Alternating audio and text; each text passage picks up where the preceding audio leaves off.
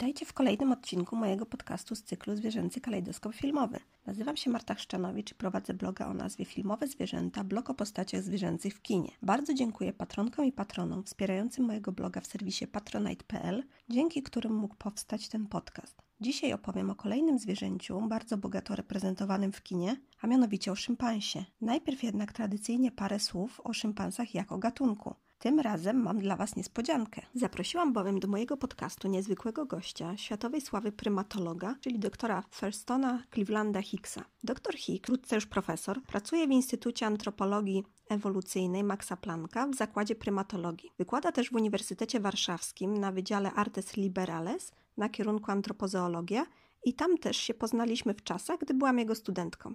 Bardzo dobrze wspominam zajęcia u doktora z prymatologii, czyli działu zoologii zajmującego się ssakami naczelnymi. Dr Hicks jest jednak przede wszystkim badaczem terenowym z wieloletnim doświadczeniem. Jak samo sobie pisze, jego głównym zainteresowaniem badawczym jest rozmieszczenie i zachowanie niezbadanych populacji małp człekokształtnych w afrykańskim dorzeczu Konga, w szczególności szympansów Pantroglodytes. Dodaje, ponadto staram się zrozumieć dystrybucję tradycji małp człekokształtnych, jak odwzorowują one różnorodność genetyczną i jak wpływają na nie proponowane bariery dla małp człekokształtnych, takie jak rzeki. Zrozumienie, gdzie żyją małpy człekokształtne jak ich zachowania są podobne lub różne od zachowań innych populacji, jest kluczowym narzędziem zapewniającym im przetrwanie, a także może nam wiele powiedzieć o naszej własnej ewolucji biologicznej i kulturowej. Temu też poświęcona będzie nasza rozmowa. Drugim gościem jest student doktora, magister Toni Romani, wkrótce doktor, który opowie o swoich badaniach i planach na najbliższe miesiące. Rozmowę przeprowadziłam w języku angielskim. My dear listeners, today I have two guests and unusual guests because they are chimpanzee researchers, Dr. Thurston Cleveland Hicks and his student Tony Romani,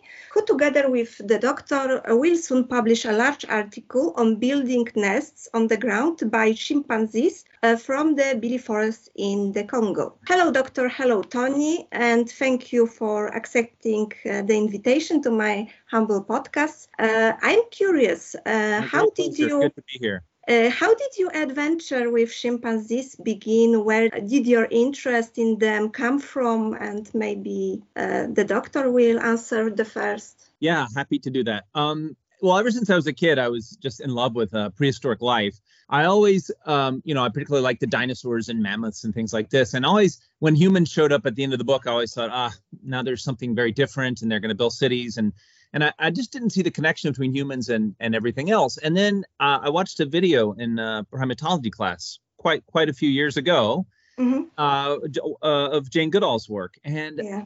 and I saw these chimpanzees in the forest using tools, and uh, a male named Mike was using a big uh, empty gasoline drum as a display tool, and mm-hmm. I thought, oh, this this not only makes uh, chimpanzees more interesting to see this kind of behavior, but it makes humans more interesting to me because all of a sudden I see the connection with everything else that we too mm-hmm. are a very interesting species of primate. So my original um, interest in studying chimpanzees, gorillas, bonobos was actually kind of uh, to inform us, to help us triangulate onto the behavior of our common ancestor with them, which probably lived with chimpanzees yeah. and bonobos about seven, eight million years ago in Africa.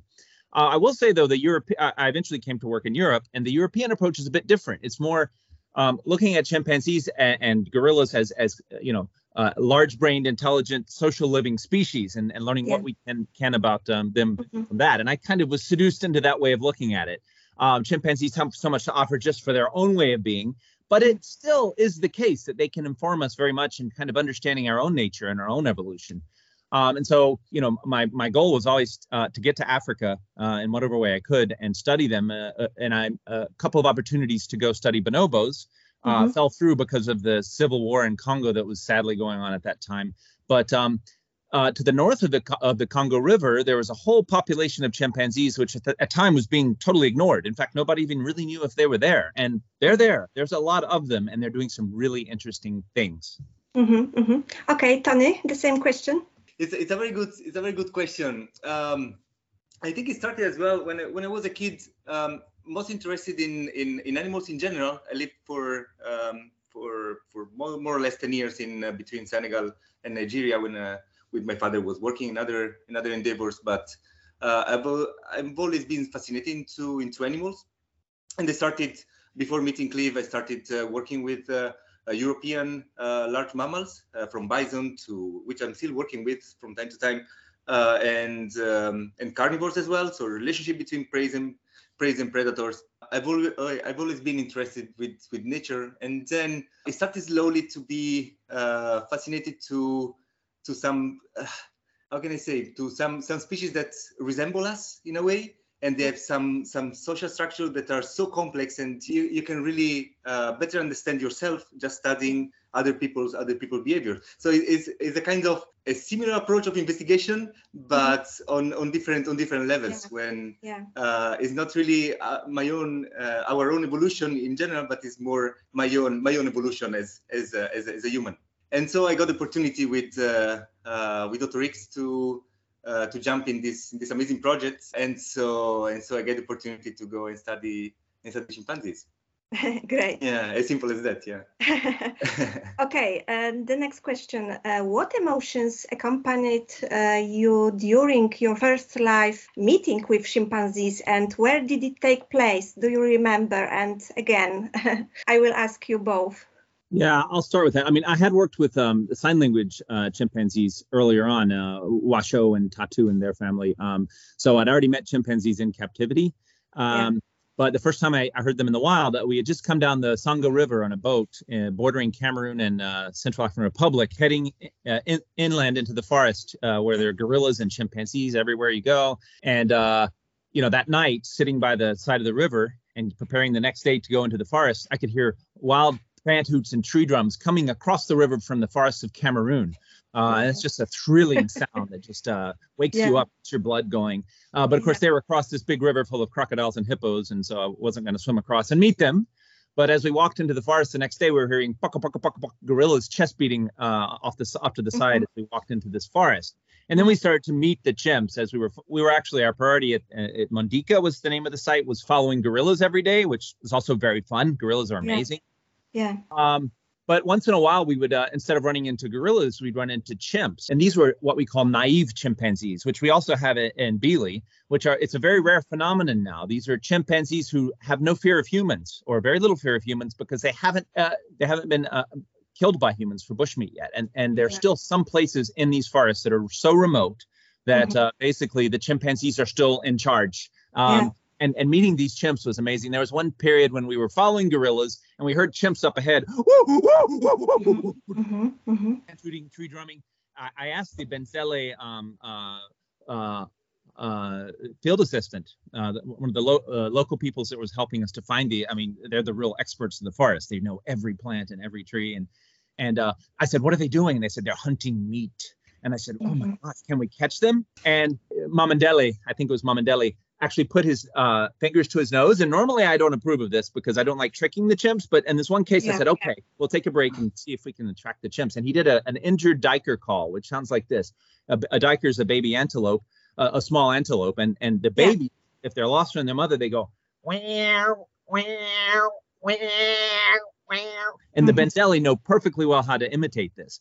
And it chimps hunt duikers. They love to eat them. So this pulled them in and we were sitting there waiting, and we heard this. All of a sudden, the chimps, which were tree drumming and pantooting just a bit to our north, went dead silent. And then all of a sudden, four giant males, I mean, huge looking chimpanzee adult males, came shoulder to shoulder running towards us. I assume wanting to tear us apart, thinking we're baby duiker. And then they saw actually what we were from about, you know, five feet away.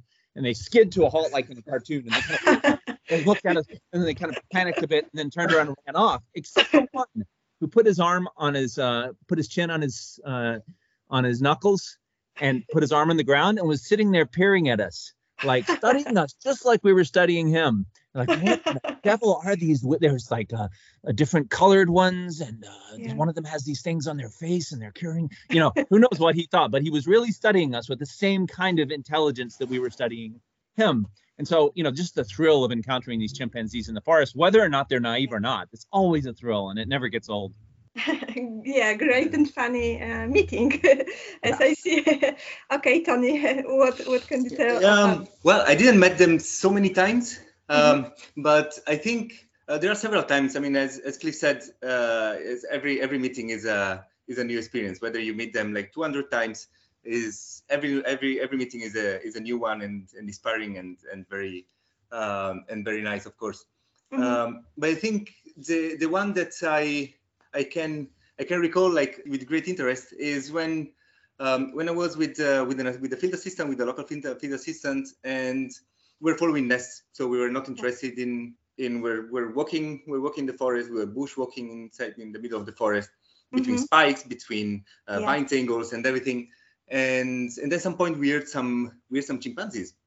Mhm. and but our focus was on the day was was nests. So we're not we're not they were not chimpanzees. But we're in, a, in an area where chimpanzees are not habituated. So and we decided to to try to approach them. Okay let's try Mhm. to let's try to see which Mhm. chimpanzees are these. Are Mhm. those they they started to be habituated or are new ones? Let's let's go and let's go and check.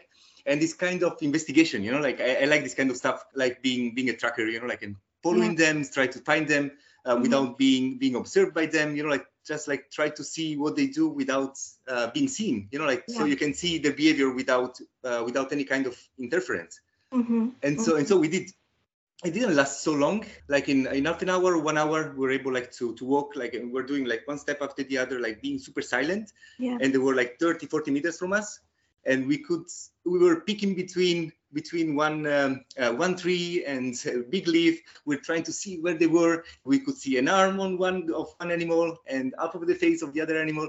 And i think it was very very cute to to being able to be there in that moment and Yes. just just observe them. And they were they were resting. They were they made some uh, some day nests on the trees and they were just just chilling and and taking a rest around the around midday Yes, Yeah. unfor- unfortunately, I saw them only on zoos, and we have in Warsaw Zoo Hmm. uh, the, the the small group of chimpanzees. I I remember that there was a female uh, who loves uh, backs, women's backs. Women's and back. yes, yes, Back purses li- like yes, yes, and and uh, clothes. So so when she had uh, birthday, uh, she uh, she received uh, new bags and she was oh, very Oh, happy. bugs. Okay. yes, yeah, yeah, yes, yes, and, yes, and also um, they had TV to to watch.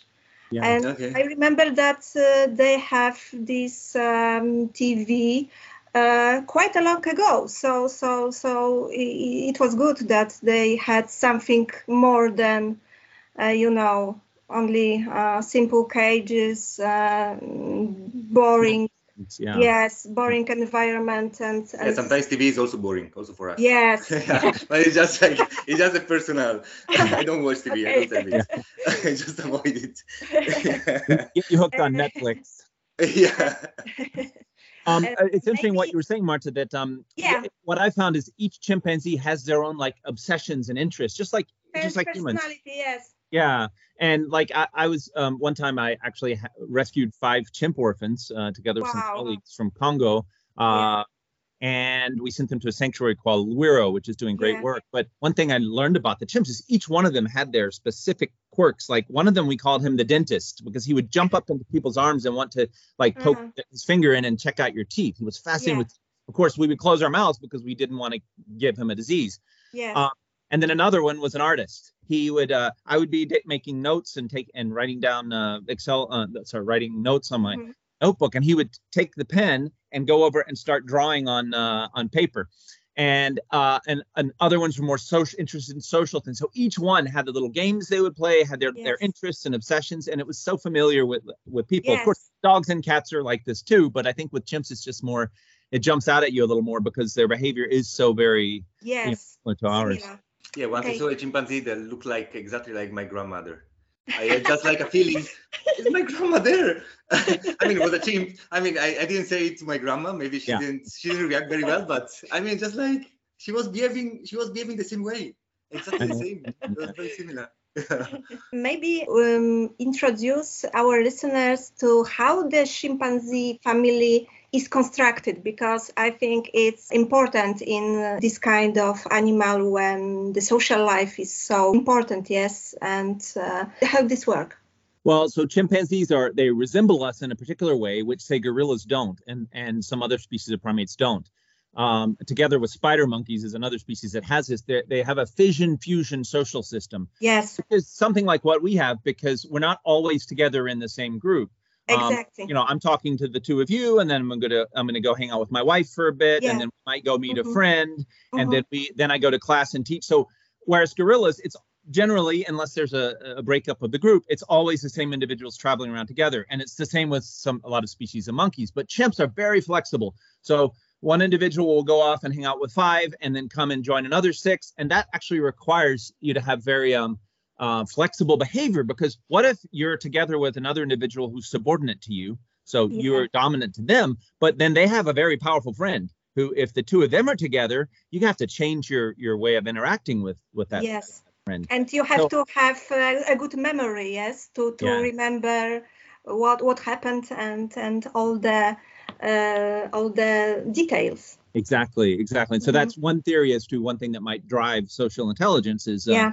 Is is this fission fusion system. And chimps are very um uh, th- they have uh, basically the males stay within the group and the females transfer between groups. Not always, but they if if anyone transfers, it's going to be the females. hmm and uh, the females have to work their way into a new community. And uh, what's interesting is chimpanzees have a very um, male-dominating system where the brothers kind of uh, oftentimes bands of brothers and, and male cousins go around together and hunt monkeys together and Yeah. Sometimes go to war with neighboring groups of chimps.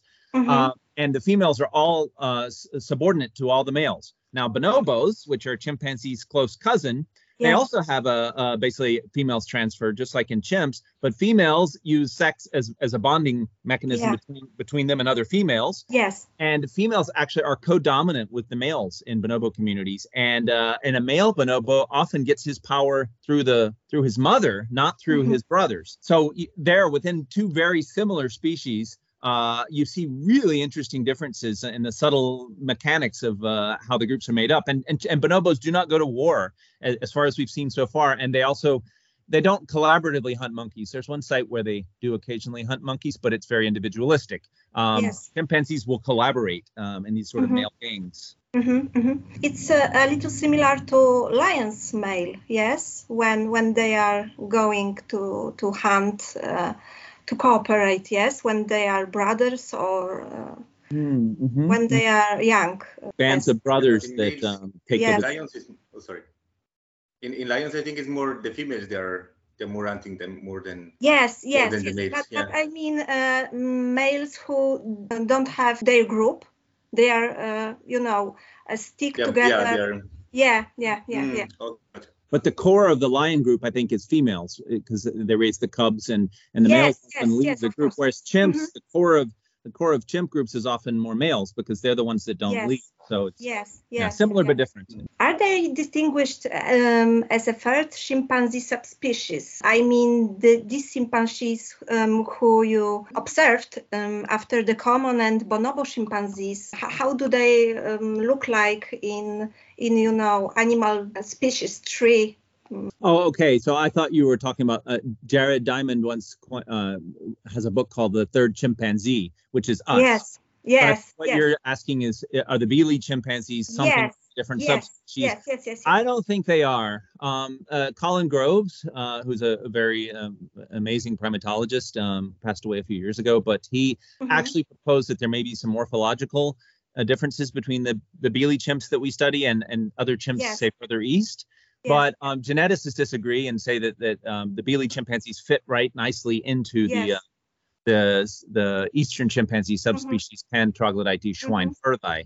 And they, and I've seen them a lot. They they look pretty much like like other chimps. The males may be a bit bigger. We don't quite know. There may be some slight differences in skull morphology. But mhm. Basically, I think we're not dealing with a different species or subspecies. Okay, uh, so what, what do you think about that, Tony? Do you agree? Yeah, yeah. I mean, uh, scientific uh, scientific evidence says that there's no there's no there's no difference between Mm-hmm, mm-hmm, between subspecies. There are four subspecies, and yeah, mm-hmm. They are too close. Mhm. the, the, only- the only difference that can be is difference in behavior. Mhm. Uh, for example, the the thing that we have in in Bili, uh, Yes. what, what we found with this uh, with this research is that, for example, ground nesting is is ubiquitous. So you can find you can find it in a very large area in um, in in the Bili region in the northeast, uh, yeah, northeast of uh, of DRC. Whereas in Mhm. other areas they're not. Maybe they're not using. Uh, they're not they're not making ground nests or they're making uh, few ground nests yeah. or maybe Cliff can say more about uh, uh, also about tool use, uh, how, how the difference is between uh, between the different areas. So yeah. so but it's Yeah. not yeah sorry Well said, Tony. Um, Yeah, and so you think of uh, say you know people eating pierogies in Poland and uh, schnitzel in Germany, and you think of the, the, the cultural differences that we Yes. humans have. Nobody would say that Germans and Polish are different species. I mean, if anybody said that, they should rightly be drummed out of the room. But um, we're quite different in terms of culture and language and all these kind of things. That's the Mhm. kind of thing we're seeing within um, the, this large, gigantic population of chimps in in, in Yeah. Congo. Some amazing behavioral differences. You know, I had to pour, pour some cold water on these ideas that the Bili apes were some kind of hybrid between a chimp or gorilla or a new species of ape. It doesn't. It, that, that's not the case. But it doesn't mean they're not interesting. In fact, maybe in some ways they're more interesting because they're behaviorally varying in similar ways that our hominin ancestors, seven, six, five million years ago, might have varied from one another. And eventually, this, these cultural variations sort of t- took fire with humans and uh, kind of almost had a, a an, an explosion of culture that's led to to what we are today. Yes. Yeah, Okay. we'll be reductive if we just say, yeah, it's a different species, so it's interesting because it's a different species. No, it's interesting anyways. I mean, doesn't matter. Every like, like we said before, right? Every Yeah. individual is different, so yes. uh, yes. each one is particular, like us, like humans. Like uh, we are, we are all nice. We are all, we are all like our our peculiarities. Yes. What surprised you the most about the chimpanzees? Uh, is there any one thing that you can uh, point that that was um, the most important for you, or or everything is so interesting that you you can tell that this was amazing and that was not? I think it was Matsuzawa that said something like uh, chimpanzee, if a very famous chimpanzee researcher says, chimpanzees always surprise me. Um, Mhm. and I agree with that. Like sentiment. people. People, yeah, exactly. with people, we're kind of familiar with that that surprise, although we always are still surprising to each other. But with chimps, it's just we don't even know what to predict. When you go into a, in fact, I'm, I'm working now on the possibility of going into a all new uh, a forest that's not yet been surveyed, and uh, chimpanzee for chimpanzee culture there. I won't Mhm. mention where it is yet, but uh, you're hearing it here first. Uh, and the I- I'm dreaming now about finding all sorts of strains. Maybe they're smashing open tortoises, or maybe they're um, who knows, using some kind of unique tool set or uh, hunting some kind of insect that they don't hunt elsewhere. You just Yeah. never know. Um, and and you know, there's a new site called Lo- Loango uh, that that you should, if you haven't read about it, look it up. Uh, The chimpanzees attacked and killed gorillas. What?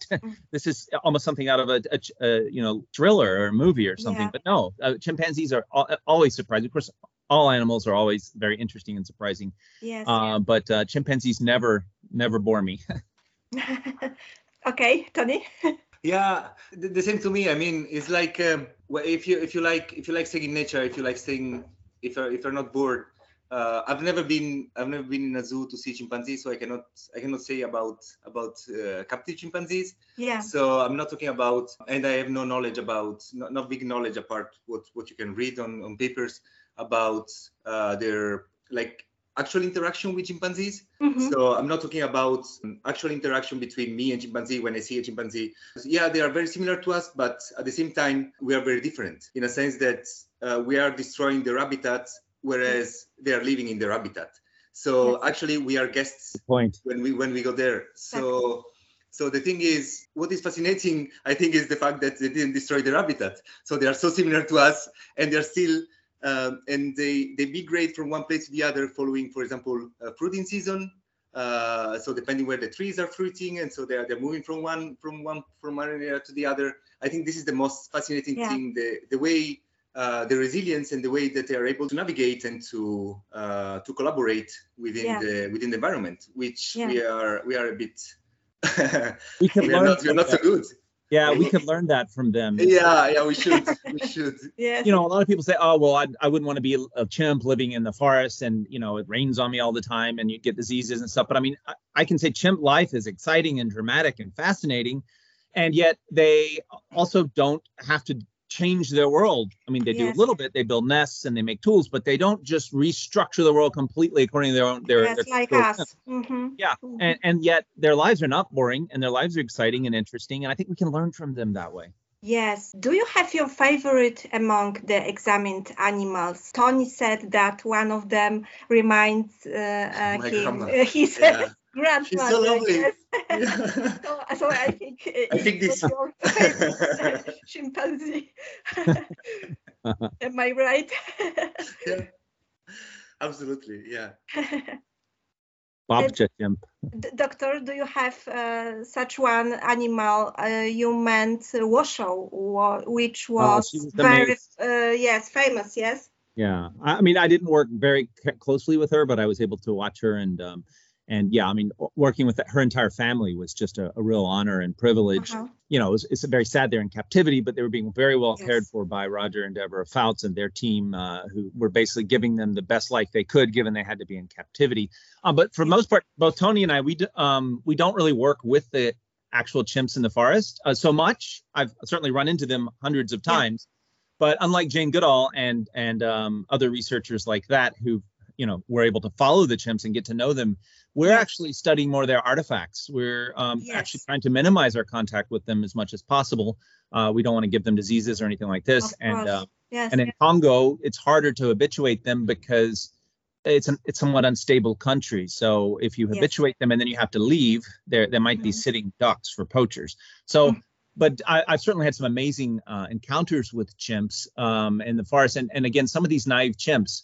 Um, I remember an adult male once climbing up into a tree about about a couple of meters away from me and, and and again putting his fist on his under his chin and looking at me with these kind of he looked like some kind of forest king like really self-confident. Yeah. he knew that forest like the back of his hand and i was just like an ignorant visitor. Like i felt Yeah. like i was in his kingdom. And so there was this real sense of power. And i've also seen some old granny chimps like uh, grandmother chimps like uh, older individuals who just didn't care enough to flee. The, uh, closer to the road most of them would flee but um, i remember this this woman uh, uh, woman this old female chimpanzee named caroline uh, we eventually named her Caroline. She would just sit there and just stare at me like I've seen that all before. I've, I've- I'm not gonna run away. I'm just gonna sit here and eat my fruit. I'm, I'm too old to really care that, about that crap.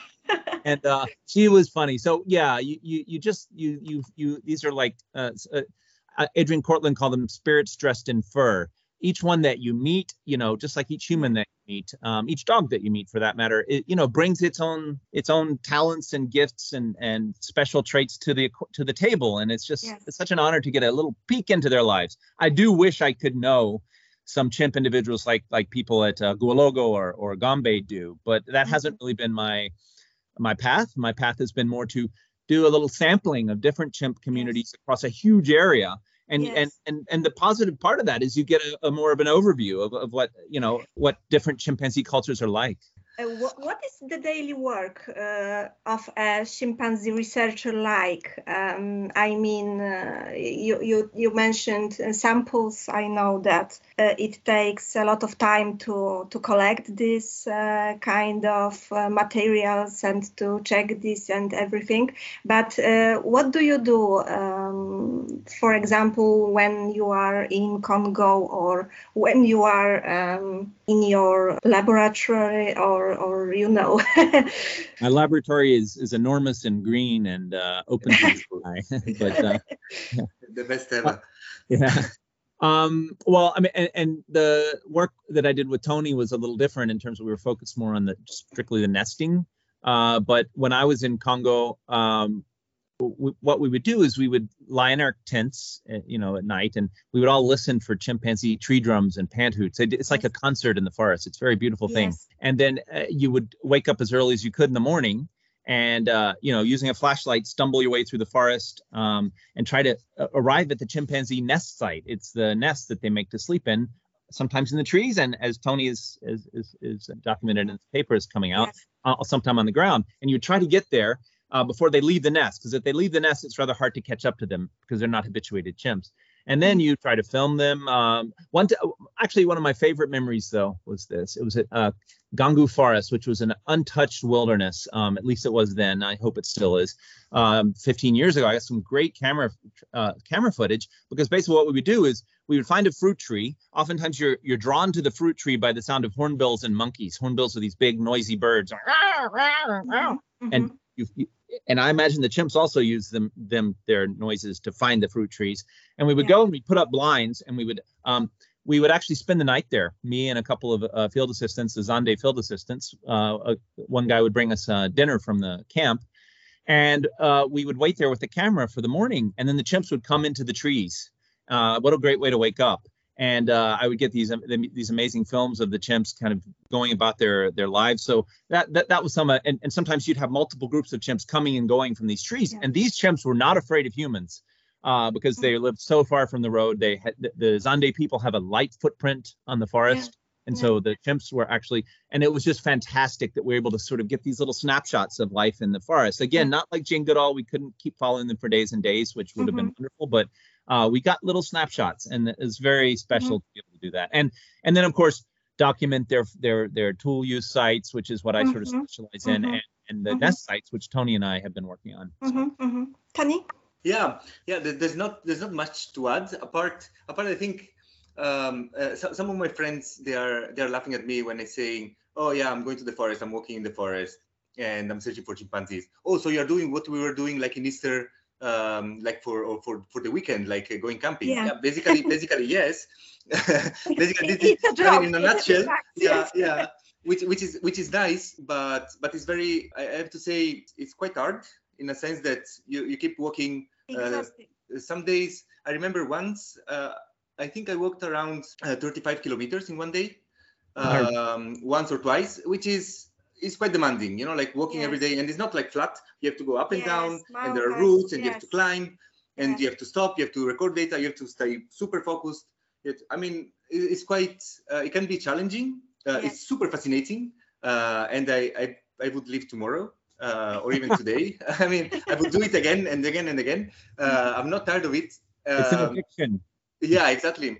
But you need to like it because otherwise, uh, you know, like staying in staying in, um, in an office, it's easy I found it boring. I mean, it's not boring. It's a very important part also staying in the office yeah. and uh, writing down and putting putting things together. For example, you mentioned the samples. When you were in the field, sometimes we didn't have enough uh, enough tubes to collect yes. to collect the dung, and so we were wrapping up in some other. Uh, you have to be creative. In, yeah, exactly, and putting your backpack. But when you go back to the camp after yeah. I don't know 10, 12 hours of walking, mm-hmm. you have to process all this dung and it takes one two hours more and then you have to prepare dinner you have to take a shower with the cup you know like and you have to go to sleep. Maybe you have to start the fire too or if there's no one you have to start yourself the fire to cook. It's and during the weekends maybe you have to go to take food. I mean it's it's super and the nice. baboons, it's complicated. And the baboons, yeah, they're stealing your food. We ah. at one point we had a house. They break in and steal our food, so you had to. yeah yeah, you have, to, you have a lot of challenges, but That's true. Yes, I got it. Yeah. but it depends. It depends on your attitude, right? Yes. Uh, so if, if your attitude is, is positive, then you can see these things as fascinating and being being a little bit going going back to your roots and you know like being having another pace is completely another pace that we are not used in in, in Warsaw or anywhere anywhere in yes, Europe. Yes. It's a bit more more calm. Uh, once um, um, an African uh, an African friend uh, told me because he arrived three hours later that we had a meeting and it was an important meeting and he arrived three hours later and they complained. I said, I mean, why, why are you late? You were supposed to meet three hours ago. I have other things to do. And he said, Tony, we have you have the clock, we have the time. it's a very good it's a very good point right? Yeah. so it's just like yeah fair enough. Okay whatever.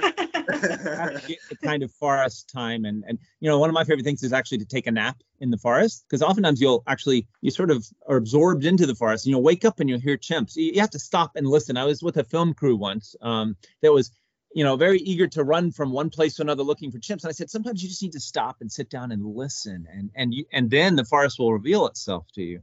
Um, and sometimes it's kind of hard for Westerners to get that. Uh, you know, uh, Congolese they, they get exactly. that. I mean, in fact, I get that from them sometimes. Uh, yes, we are always in a rush. Yes, we, yes, we can exactly. stop. And but we don't know where we're going.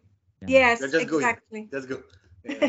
it's good to stop and feel yes the, the, the, the, environment yes. You can learn that from the from the forest it teaches yes yes. Mm. uh, have you encountered any dangerous situations uh, there is still a war in in this in the reg- region? Am i right? There is um, a war in congo, in congo now? Yes. Uh, well it's kind of a, a, a, a, the east it's a very sad situation and very yes. tragic. Um, you know uh, i went my first trip to DRC was uh, a year or so after the, the the war officially ended. There were there was truces made by the different sides.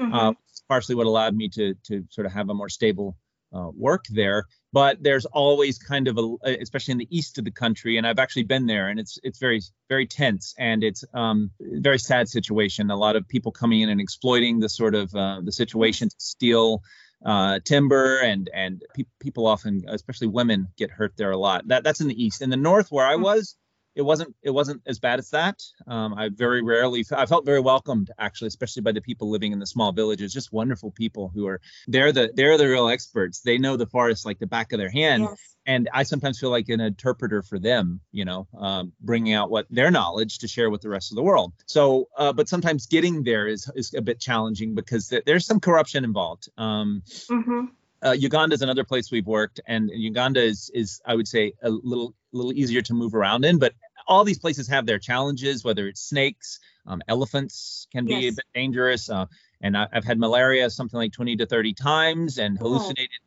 some crazy stuff. Yes. Yeah, so there's always challenges, and it's going to be different challenges for each each area. But um, the the in the end, the benefits far outweigh the costs.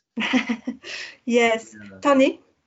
Yeah, I mean, uh, I've not been to Congo yet. I mean, a couple of weeks we are going there for for a conference. I've been to Uganda for my project, for our project, and yeah, as as, as Cliff said, is is a very easy country.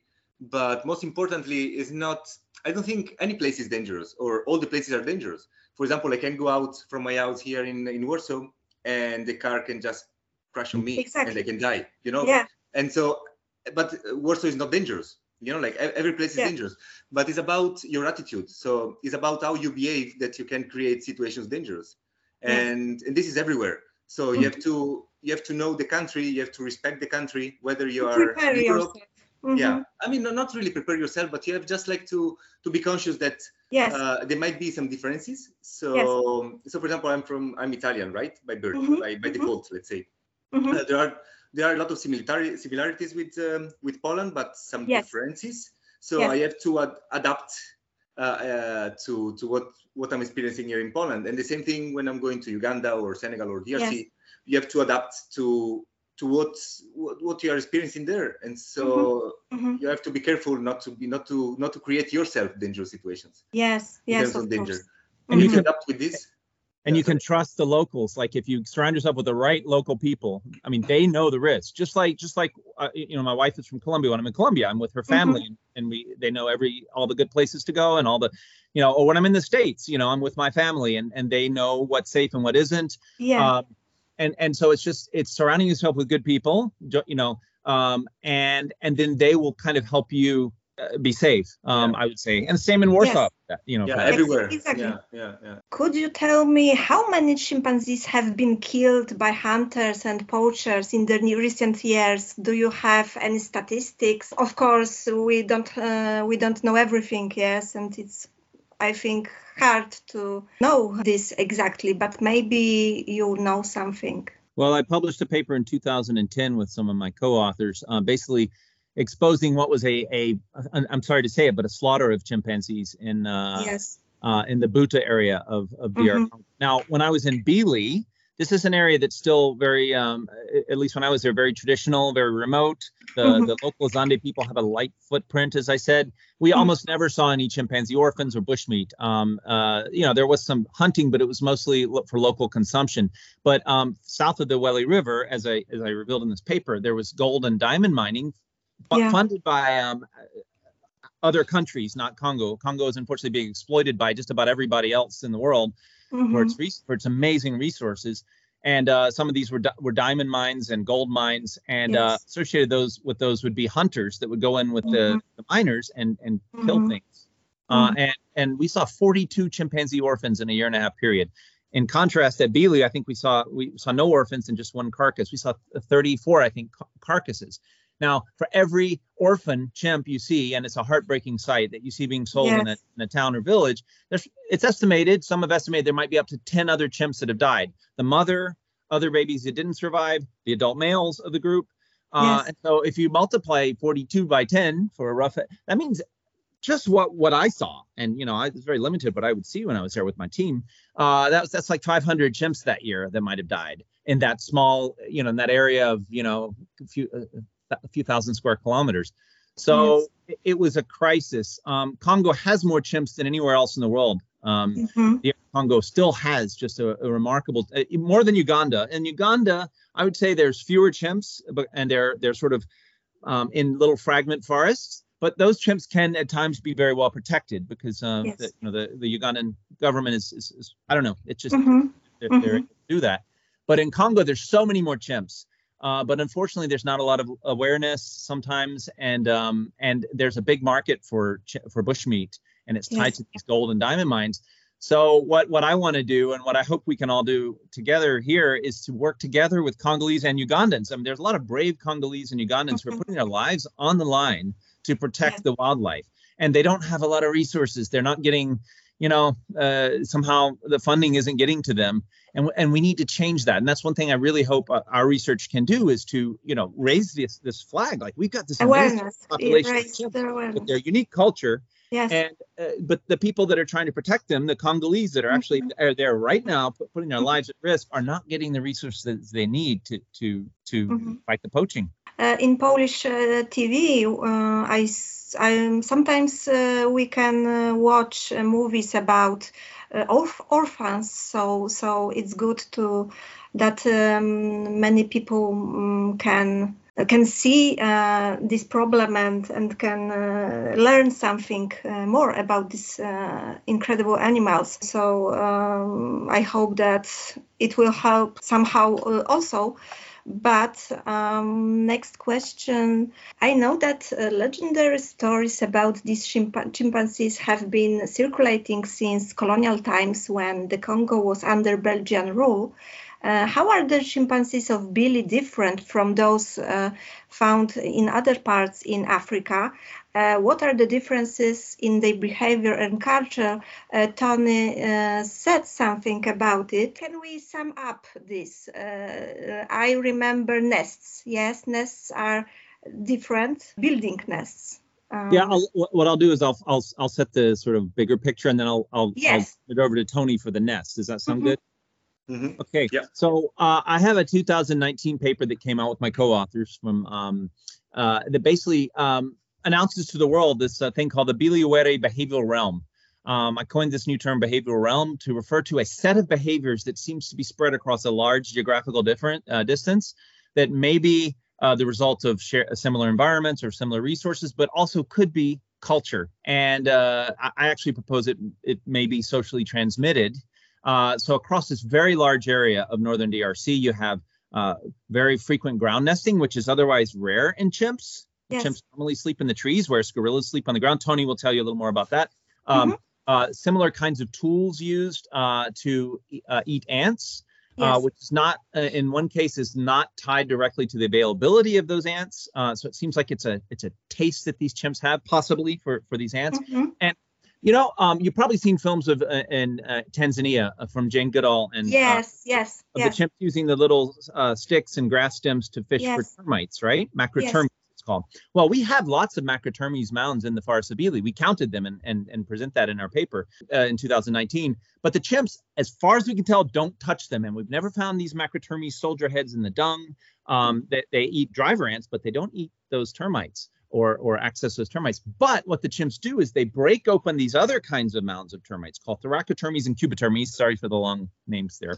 But these, these, these termites are available all over Africa.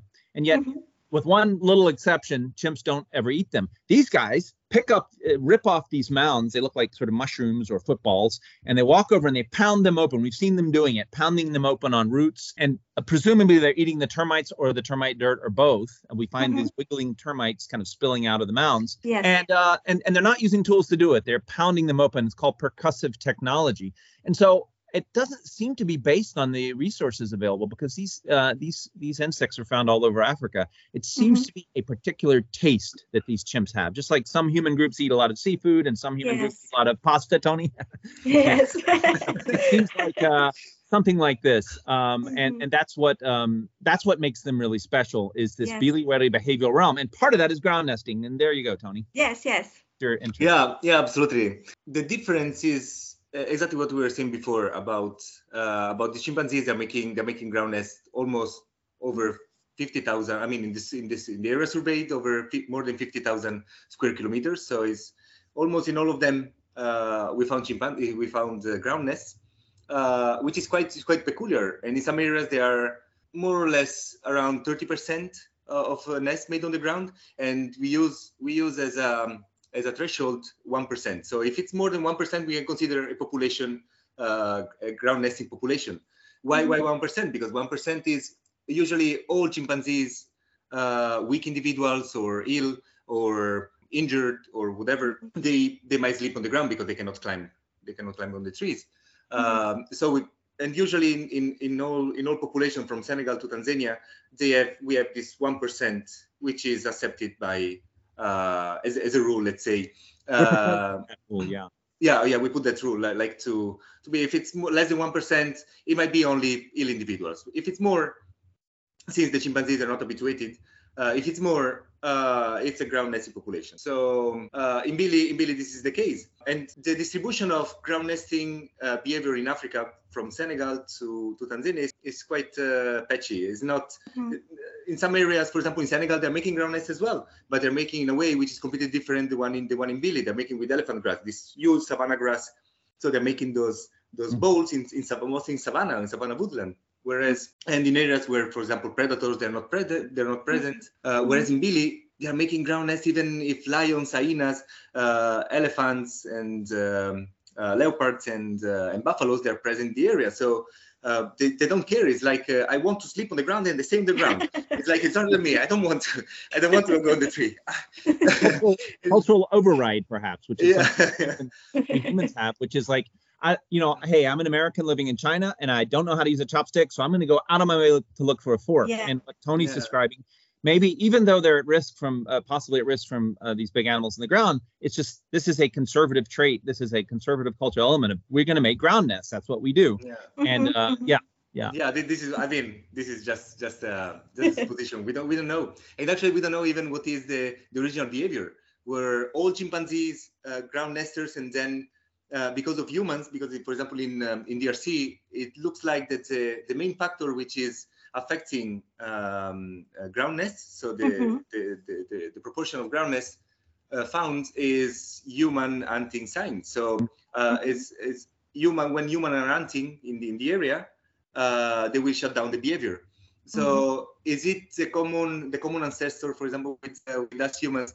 Or the yeah the common the the, the chimpanzee ancestor was it um, was it a ground nester? And then he lost his abilities his abilities. He lost his um, habit yeah. yeah his habit yeah to, to nest on the ground uh, just because of us uh, which looks like in um, looks like this the case in, um, in, in Congo. Although in some areas in Cameroon and Uganda as well in some areas in Uganda it looks like that the presence of humans actually is helping chimpanzee to nest on the ground. Yeah. But it's it's very it's very it's very hard to say because it's it's really site dependent. You know, yes. like each site is really different. Complex, like mm-hmm. like we are. You know, it's like uh, humans we, we just don't follow any kind of simple rules whether it's how we how the sexes uh, react uh, relate to one another warfare behavior human beha- human behavior is so flexible and complex it's hard to comprehend but what tony was just describing it seems like chimps have something of that too um, is that, that, that, you can't just simply say, okay, there are no humans, uh, the chimps are going to ground nest. No, in some cases, yes. In some cases, it's the opposite, and it's a complex tangle of factors, just like the forest they live in, that we yes. have to sort of sort our way through. Mm-hmm, mm-hmm. Yeah, true.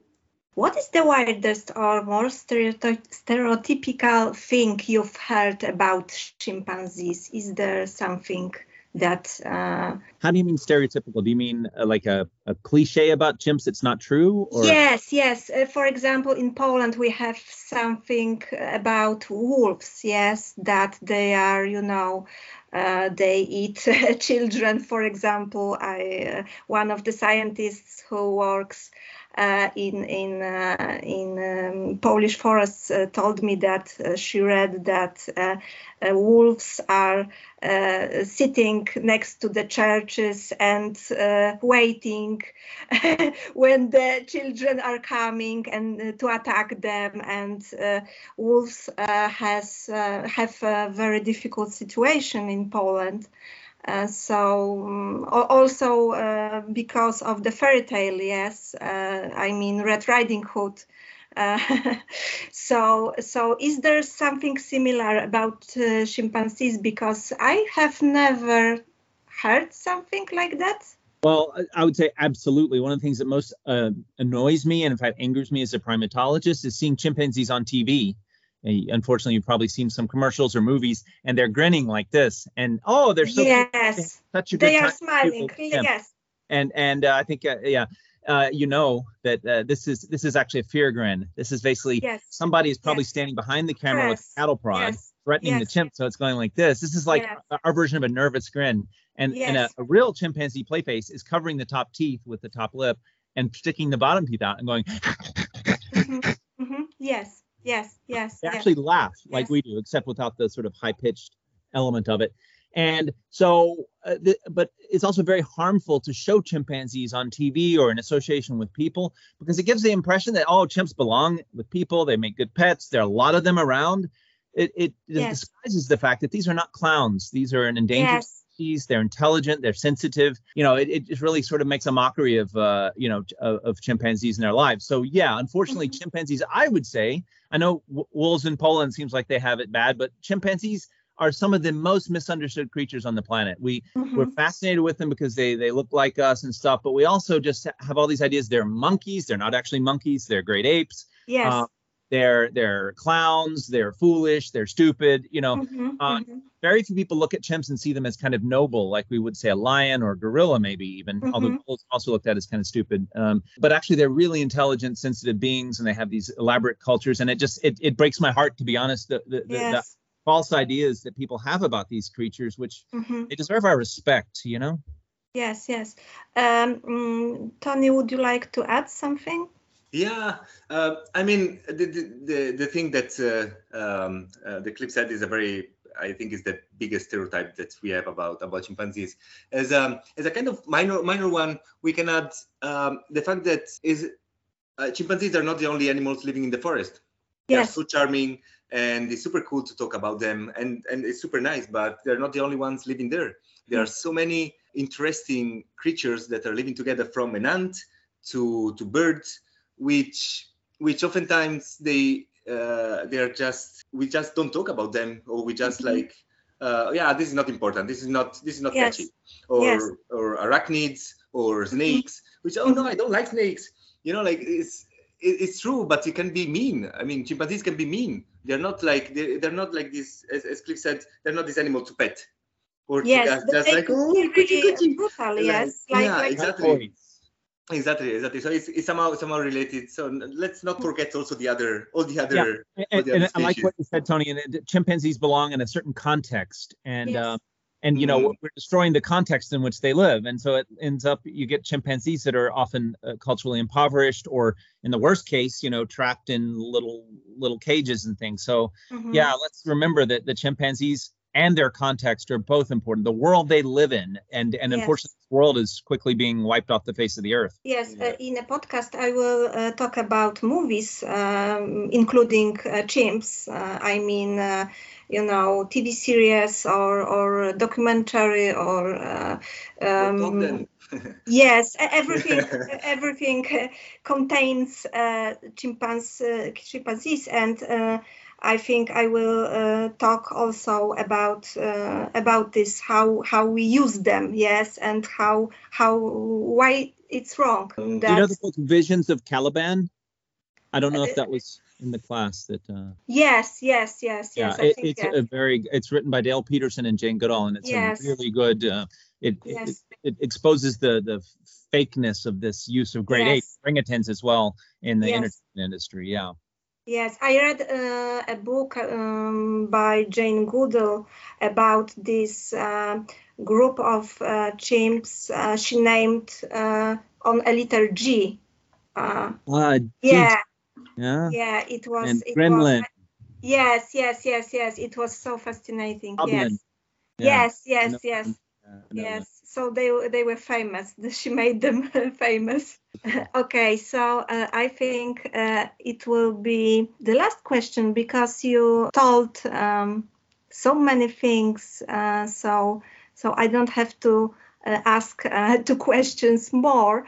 Uh, when and where will uh, your latest publication about chimpanzees building nests on the ground be released? Um, Tony, do you want to Yeah. get this one? Mhm. 'Cause, uh, yeah. Yeah, uh, it will be in a, in a in a couple of weeks, I guess. Uh, it won't be. We, we don't know the date yet. They're proving Yes. now. There is just like to putting together in, um, in a layout to to be uh, to be uh, to be in the journal.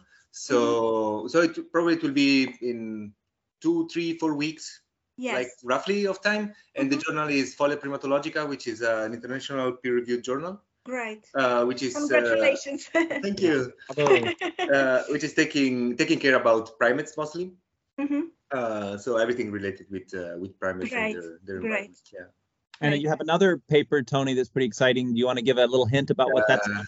It's been Yeah, accepted. it's still, yeah, it's, still, it's been accepted Okay. another paper like a couple of days ago actually, and which is quite exciting with minor Mm-hmm. reviews, uh, minor minor revisions. So it won't take long time as well for this one. Mhm, mhm. Hopefully, let's see. Yeah. Uh, it will be still on um, uh, this time on SDK. Mhm. So how fast the the trees and tree nests and, Mhm. and ground nests decay uh, over time. And this is Mhm, for, mhm. for the next Yeah. Yes, uh, yes, for the yes. podcast. that will have implications for for making counts on chimp nests and determining how many chimps are in a forest. Because if if we're just ignoring ground nests or we're ignoring the differences in rate, well, you'll see, you'll see. I'm going to shut up. Leave a few surprises for the future. I- I'm curious, what are your plans now? Uh, are you are you going to Congo? You said that there is a conference, yes, and uh, mm, will you stay there for some researchers? What will you uh, do uh, next month? Well, good question. I have to submit my I have to submit my dissertation next month, so Ah, yes. I would love to I would love to stay in uh, in DRC, but um, uh, I'm going with uh, with Otto Rix, and we're going both to um, uh, to give uh, to give presentations to the to the Mhm. conference, and the conference is about biodiversity in um, in the Congo Basin. Okay. uh, and uh, so we, we won't stay for for at least I won't stay for long for a long time Yes. um, because I have to uh, I have to finish with my PhD because otherwise yes. I would love to it's super nice but then nobody's writing it for me yes. so I'm in the final final push so I will come back at the end of at the end of March and then Mhm, mhm, and then final push and then we will see we will see mhm. Yeah, Doctor. there's plenty of there's plenty of unknown forests left to be explored, and we're already working on. Yeah. Yes. So so you have a lot of to do. Yeah, okay, so so the last questions about uh, your favorite movies. Yay. yes, do you have something? Yeah, I thought about that, and um, I, I'm I'm going to fi- focus more on like fiction. Uh, there's obviously great documentaries. Uh, uh, the, the chimpanzees of Ga- uh, the wild chimpanzees of Gombe was, I think, the one that first got me into chimps way back in 30 years ago. Uh, uh, the story of Gombe, which was an amazing documentary with Hugo van Lawick's amazing footage of Goodall and her work. But um, Mhm. okay, fictional movies. I actually like Greystoke: The Legend of Tarzan. I think it's a great. Yes. I remember this. It's quite old, but um, yes. It was one of the first movies to actually use instead of actually using baby chimps. Now there, I think there is one baby chimp that appears in the film, which is not good. Yes. But, um, but it was pioneering in that it actually had actors dressed up like the chimps. And by the way, Roger Fouts, who was my master's uh, promoter, um, who worked with sign language chimpanzees, actually trained the actors to act like the chimps, and they designed the chimps Oh, to be like the the sign language chimps, like Yes. Dar, for instance, and one was like Washoe, and they used character traits of the of the chimps that I knew in, in Ellensburg, Washington, as Yes. sort of templates for the characters. Like you can watch the movie and say, "Oh, there's Dar, who's one of the sign signing chimps." so actually, I really like that movie, and I like how they presented the chimps and Tarzan's touching relationship with them. yes. And then more recently, I would say Planet of the the the new. I also like the old Planet of the Apes, the first the first yes, me too.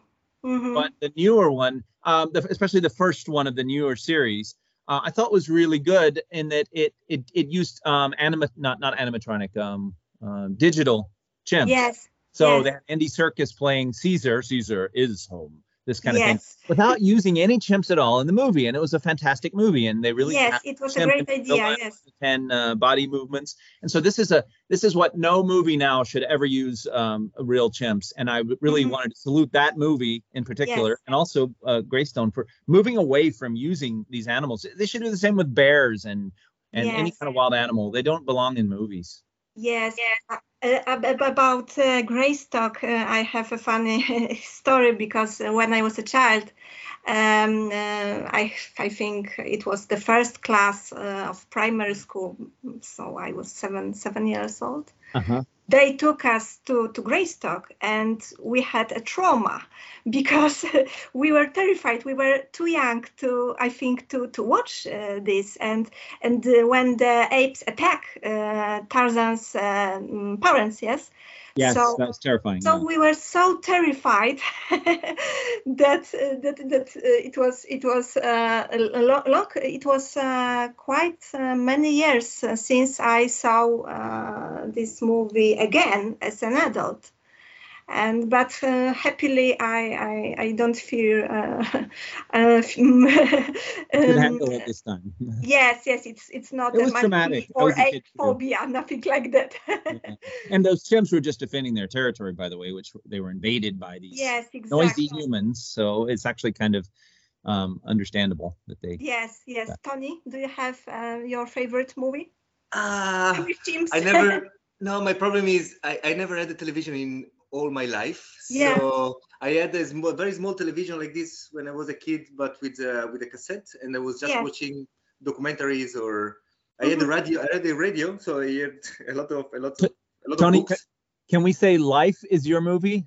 Life is my movie. Yeah, exactly, exactly. Yeah. The best movie. Uh, yes. so I, am sorry. I'm sorry. I don't like television. I'm not used to. I, I fell asleep okay. after five minutes of of the movie starts. Whatever That's why movie. it's so great. I don't remember them. So That's it's just he's he's seeing what's around him and not like lost in these digital like I am. no, you're not. You know, it's not true. Uh, Dr. Tony, thank you so much for your uh, for our conversation and enriching the episode with so much amazing information from the world of chimpanzees. Uh, I greet you both warmly and thank see you, you soon. Thank and you. Thank you once again for your time. Talking to you. Thanks for having us on. Okay. Thank you. Bye bye. Bye bye. bye, bye. Chimp Hoots. Raz jeszcze bardzo dziękuję doktorowi Hicksowi i magistrowi Romani za niesamowicie ciekawą i sympatyczną rozmowę, a Wam polecam śledzenie ich działalności w internecie. Szympans w kinie.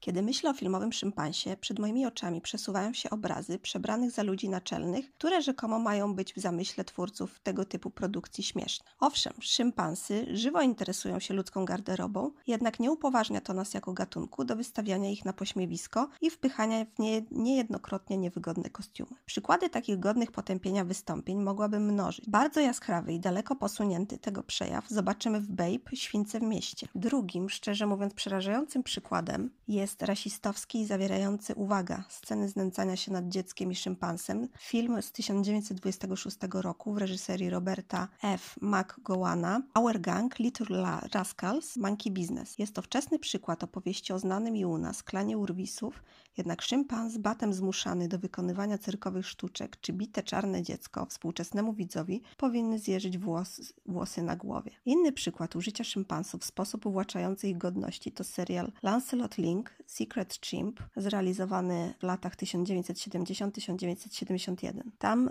y, szympansy są non-stop ubrane, zmuszane są do y, udawania zespołu rockowego pod nazwą Evolution Revolution i no widać po prostu y, duży stres po mowie ciała tych zwierząt. No dobrze, ale w jakich kontekstach zobaczymy te małpy w filmach? Są to laboratorium i jest to pokaźna kategoria, cyrk, ogród zoologiczny, loty w kosmos, filmy dokumentalne i przyrodnicze, naczelne uwikłane w rozwiązywanie spraw kryminalnych. Co prawda, obecny wizerunek szympansów w mediach odbiega znacząco od tego z początku XX wieku. Rzadziej zobaczymy szympansy na ekranie w przebraniu, a twórcy w ostatnich latach skupili się na ich tragicznym losie, a także wątkach zoobiograficznych opowiadających o życiu poszczególnych jednostek. I to są te najważniejsze i najbardziej wartościowe produkcje z udziałem szympansów. Szympans w polskim kinie. Szympans w polskim kinie to, jak się za chwilę przekonamy, głównie bohater filmów dokumentalnych lub opowieści o przygodach komiksowych bohaterów stworzonych przez Henryka Jerzego Chmielewskiego czyli Papcia Chmiela. Mowa oczywiście o tytusie Romku i Atomku. Pierwszy rok życia szympansa, reżyseria Anatol Fidek,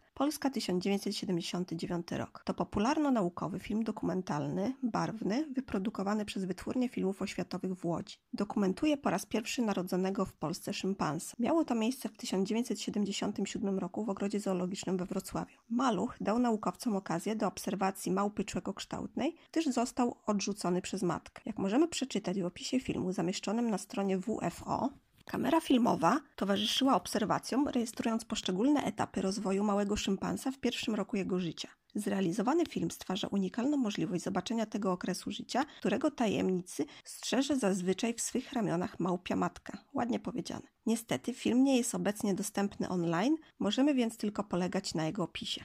Li Ufa, treser szympansów, reżyseria Wiesław Drymer, Polska 1983. To kolejny dokument łódzkiej wytwórni filmów oświatowych. Razem z żoną Basią, tytułowy Li Ufa mieszka w wozie cyrkowym, w którym towarzyszą im szympansy, Monika i jej krewni. Mężczyzna jest ich treserem, a praca zajmuje im codziennie po kilka godzin. Film ukazuje jednak troskę o zwierzęta, a metody treningowe wykorzystują skłonności tych małp do zabawy i popisywania się. Tyle możemy się dowiedzieć z opisu filmu. Polskie ogrody zoologiczne, Kraków, reżyseria Stefan Piłat, Polska 1986. To również efekt pracy wytwórni filmów oświatowych. W opisie czytamy: Kolejny film przedstawiający polskie ogrody zoologiczne, tym razem ogród w Krakowie. Pięknie położone zoo w Parku Wolskim jest licznie odwiedzane przez widzów. Pokazane są ciekawe zwierzęta i metody opieki nad nimi. Do najciekawszych należy specyficzna opieka nad słoniem i przywiązanie, jakie okazuje szympans swej opiekunce. Podobnie jak dwa poprzednie, film jest niestety niedostępny online. Tytus Romek i Atomek, część pierwsza Narodziny Tytusa w reżyserii Krzysztofa Giersza 1989 i część druga Edukacja reżyseria Waldemar Szajkowski 1990. Dwa kilkunastominutowe odcinki powstały w poznańskim studiu filmów animowanych Poltel na podstawie komiksu Henryka Papcia Chmielewskiego. Pierwszym z nich znajdujemy się w pracowni Papcia Chmiela, który duma nad nowym pomysłem do komiksu. Nieoczekiwanie plama tuszu wylanego na podłogę przybiera kształt szympansa, który ożywa i zaczyna siać spustoszenie w pomieszczeniu. Wezwani na pomoc Romek i Atomek nazywają małpę Tytus i wypisują jej imię na koszulce. W drugim odcinku chłopcy podejmują próby uczłowieczenia Tytusa. Uczą go pisania i czytania, a także geografii. Jak się nie trudno domyślić, szympans okazuje się bardzo pojętnym uczniem. Tytus, Romek i Atomek wśród złodziei marzeń, reżyseria Leszek Gałysz, Polska 2002. Jest to pełnometrażowa wersja przygód Tria znanego z komiksów Papcia Chmiela. Co ciekawe, jego fabuła nie pokrywa się jednak z żadnym z komiksów, trudno więc tu mówić o adaptacji. Fabuła. Zły książę, Saligia, skupuje marzenia i przerabia je na reklamy. Zwabia Tytusa na swoją planetę o nazwie Transformacja, celem odebrania mu marzenia o staniu się człowiekiem. W efekcie z marzeń zostają jednak okradzeni Romek i Atomek i to Tytus musi odzyskać ich marzenia. Pora na moje top 10 filmów o szympansach i z szympansami. Zemsta Tarzana, czyli Tarzan's Revenge, reżyseria D. Ross Lederman, e, USA 1938. Z filmowym szympansem nieodłącznie jest związany Tarzan, czyli postać stworzona przez Edgara Rice'a Barrowsa, autora aż 26 książek o jego przygodach. Film oglądało mi się bardzo dobrze, głównie dlatego, że mamy tu nie przebranego szympansa, który dodatkowo nie wygląda na zestresowanego. Jest on sidekickiem Tarzana, który porozumiewa się z nim za pomocą gestów i szeptania sobie nawzajem do ucha. Cheetah, bo tak nazywa się szympans, próbuje też w filmie rozłupać, o ile dobrze pamiętam, kokosa, niczym kapucynka, która to małpa, jest w tym wyjątkowo dobra. Ponadto szympans próbuje ratować się z wody niewiastę, budzi Tarzana i potrafi wiele innych rzeczy, nie jest za to zmuszany do nienaturalnych i niepotrzebnych zachowań. W filmie w głównych rolach obsadzono dwójkę olimpijczyków. Mistrza dziesięcioboju z 1936 roku Glena Morrisa jako Tarzana i zdobywczynię medali pływaczkę specjalizującą się w stylu grzbietowym Elinor Holm jako Elinor. Co ciekawe, producent Sol Lesser początkowo rozważał obsadzenie baseballisty Lou Gehriga w roli Tarzana, ale jego nogi nie zrobiły podobno na nim wrażenia, na, ponieważ je nazwał bardziej funkcjonalnymi niż dekoracyjnymi. W końcu Tarzan, niczym modelka, musi nogi eksponować. Jego gra nie powala, ale nie jest przecież zawodowym aktorem. Miłośnicy zwierząt się za to nie zawiodą. W Zemście Tarzana zobaczymy bowiem bardzo dużo ich gatunków, ale jak to bywa w filmach fabularnych, są one przemieszane ze względu na strefy geograficzne, w których występują. Ważnym i wartym podkreślenia wątkiem jest postawa Tarzana, który ratuje porwane przez ludzi lwicy potomstwo, a także broni innych zwierząt przed myśliwskimi zakusami białych najeźdźców. Film znajduje się w domenie publicznej, a obejrzeć go możecie na stronie archiv.org oraz YouTube. Tutaj w dwóch wersjach, czarno-białej i podkoloryzowanej. Małpia Kuracja, czyli Monkey Business, reżyseria Howard Hawks, USA 1952. Mamy tu plejadę gwiazd, Ginger Rogers, Marilyn Monroe i Karego Granta w roli chemika, jednak wszystko kręci się wokół psotnego szympansa. Zobaczymy go, a raczej ją, bo ma na imię Esther, w laboratorium, a trzeba przyznać, że szympans jest tu sprawczy. Oto komponuje własne mikstury, których zresztą kosztuje. Jest ubrany w ogrodniczki z cyfrą 5 z przodu i tenisówki. W scenie do tej dobrze widać, jak zwierzę zerka nieznacznie na trenera, uzyskując wskazówki, co ma dalej zrobić. Ostatecznie wrzuca kubek z miksturą do dystrybutora na wodę, który jest właśnie wymieniany na nowy. W wyniku psikusa szympansa eksperyment dotknie ludzi i wymknie się spod kontroli, bowiem zdziecinnieją oni, a szympans okaże się odkrywcą eliksiru młodości. Dowcip polega na tym, że nie udało się to chemikowi. Daktari, twórcy serii Art Arthur i Ivan Tors, USA 1966-1969. O tym serialu opowiadałam już w poprzednim odcinku podcastu poświęconym filmowym lwom. Dzisiaj jednak skupię się na postaci Judy, szympansicy dokuczającej zezowatemu lwu Clarence'owi na różne sposoby. Przypominam, że zarówno Clarence, jak i Judy otrzymali Patsy Award, odpowiednik Oscara dla zwierzęcych gwiazd filmowych. Judy pierwsze miejsce zajęła w 1967 roku. Wcześniej, e, bo w 1966 została nagrodzona trzecim miejscem za rolę w Merlinie Jonesie. Nie była jednak pierwszym szympansem, który otrzymał nagrodę Patsy. Już w roku 1951 trzecie miejsce zdobył Pierre za rolę w My Friend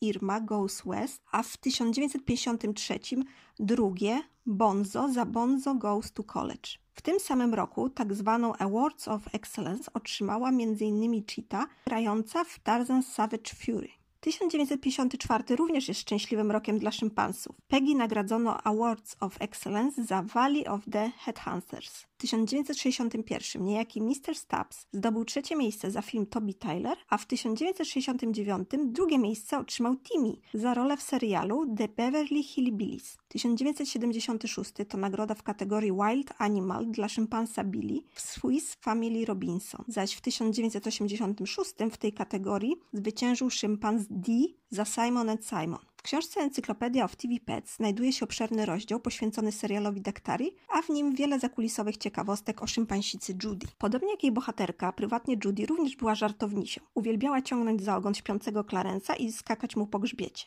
Biedny lew nie miał z nią lekko przed kamerą i poza nią. Kiedy była młodsza, Judy nocowała w domu Ralpha Helfera, trenera zwierząt do filmów i spała w dziecięcej piżamce. Aktor Marshall Thompson, odważający w serialu rolę doktora, tak wypowiedział się o szympansie gwieździe. Tłumaczenie moje. Judy to inteligentna profesjonalistka, która chełpi się robieniem wszystkiego perfekcyjnie. Jest dziewczyną nastawioną na karierę, zdeterminowaną, by robić większe i lepsze rzeczy. Bill Raymond, opiekun zwierząt, tak oto się o niej wypowiedział. Judy była świetna. Jej głównym trenerem był Frank Clamping. Była mniej więcej tym, co widzisz. Bardzo inteligentna, bardzo sprytna. Jedną z rzeczy, które uwielbiała robić, było wchodzenie w wiemiołę. Uwielbiała wchodzić na drzewo, wyrywać ją z drzewa i rzuca, rzucać na ziemię. Pozwalaliśmy jej na to i sprzedawaliśmy to w Boże Narodzenie. Judy zrobi wszystko, co jej każesz. Braliśmy ją i przeprowadzaliśmy przez scenę, mówiliśmy jej, żeby zatrzymała się tutaj i zrobiła to, a potem podchodziliśmy tutaj i robiliśmy to i puszczaliśmy ją wolno. To było po prostu niesamowite, co robiła. Wiązała i rozwiązywała liny. Żartowaliśmy z aktorami, że udało nam się uzyskać więcej pierwszych ujęć ze zwierzętami niż z aktorami.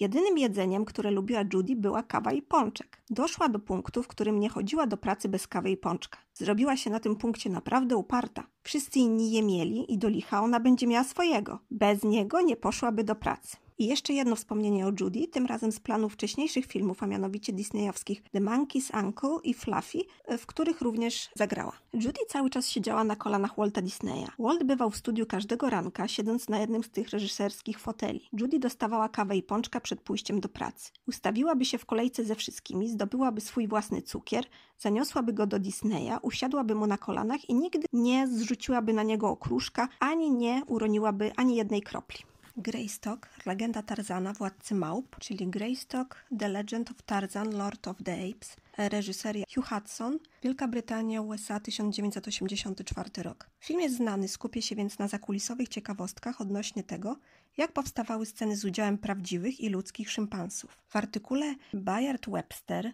z 25 marca 1984 roku z The New York Timesa czytamy, że ludzkie szympansy wraz z kilkoma młodymi prawdziwymi szympansami występują w wielu scenach w dżungli, które zajmują ponad jedną trzecią filmu. Film śledzi dziwaczne wychowanie siódmego hrabiego Greystock od niemowlęctwa do dojrzałości w dżungli, gdzie został adoptowany przez kolonię małp człekokształtnych, odkryty przez belgijskiego odkrywcę i sprowadzony do Szkocji, aby zajął swoje miejsce w społeczeństwie pod koniec XIX wieku. Był oczywiście legendarnym Tarzanem uwiecznionym przez nieżyjącego już Edgara Rice'a Barrowsa. Ale zanim kamery zaczęły działać, ludzkie szympansy musiały poświęcić miesiące na ćwiczenia i próby swoich ról. Najważniejsze było skłonienie ich do myślenia jak małpy człekokształtne, powiedział Roger Fouts, znany na, na, całym świecie prymatolog, który był konsultantem filmu w sprawie zachowania wielkich małp człekokształtnych oraz trenował i ćwiczył aktorów w ich rolach antropoidów. Dr Fouts nauczył szympansa o imieniu Washo około 260 słów, których używa do komunikowania się z ludźmi w języku migowym. Większość filmów próbuje zamienić małpy człekokształtne w małych ludzików, którzy wykonują urocze upokarzające sztuczki, powiedział naukowiec, który jest profesorem psychologii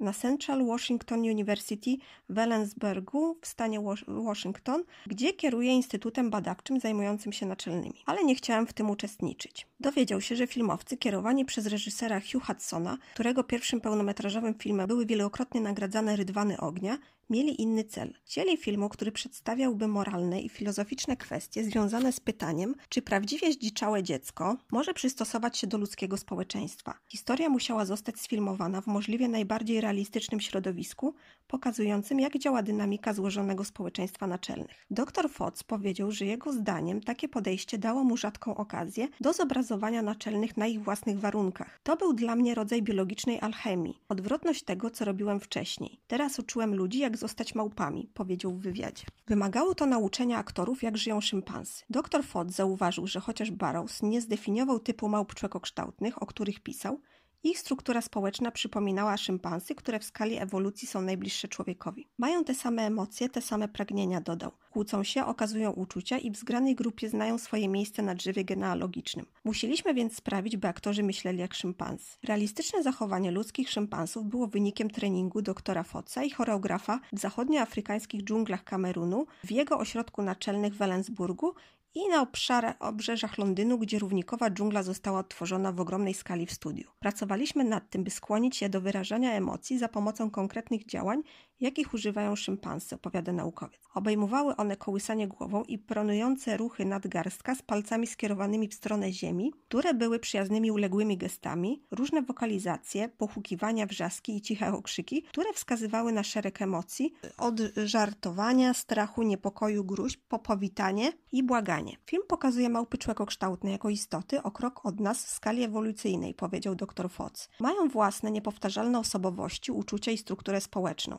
Pracując z Hugh Hudsonem, brytyjskim reżyserem, skoncentrował się zarówno na gestach, jak i komunikacji, tym na małpich cechach, takich jak wspólne mycie się, przytulanie, całowanie i poszukiwanie pożywienia. My ludzie mamy psychologiczną lub intelektualną powłokę, która nas hamuje, ale szympansy tego nie mają. Zauważywszy, że szympansy mają dłuższe ręce niż ludzie, prymatolog dopilnował, aby kostiumy małp zostały zaprojektowane z ramionami i dłońmi wykraczającymi poza normalną długość ramion aktorów. By skłonić ludzkich aktorów do biegania, podskakiwania lub skakania w górę i w dół, tak jak robią to szympansy, używając swoich czterech kończyn, wymagało to miesięcy praktyki. Myślę, że przez jakiś czas bardzo bolały mnie kolana, powiedział dr Fox. Aktorzy musieli być jednocześnie sportowcami, gimnastyczkami, akrobatami i tancerzami, powiedział Hudson w wywiadzie. Kazaliśmy im ćwiczyć najpierw bez skór, a potem w kostiumach i musieli nauczyć się chodzić w pozycji szympansów z tyłkiem w powietrzu, że tak powiem, powiedział. Aby skłonić ludzkich aktorów do chodzenia w typowej dwunożnej postawie szympansów, choreograf filmowy Peter E.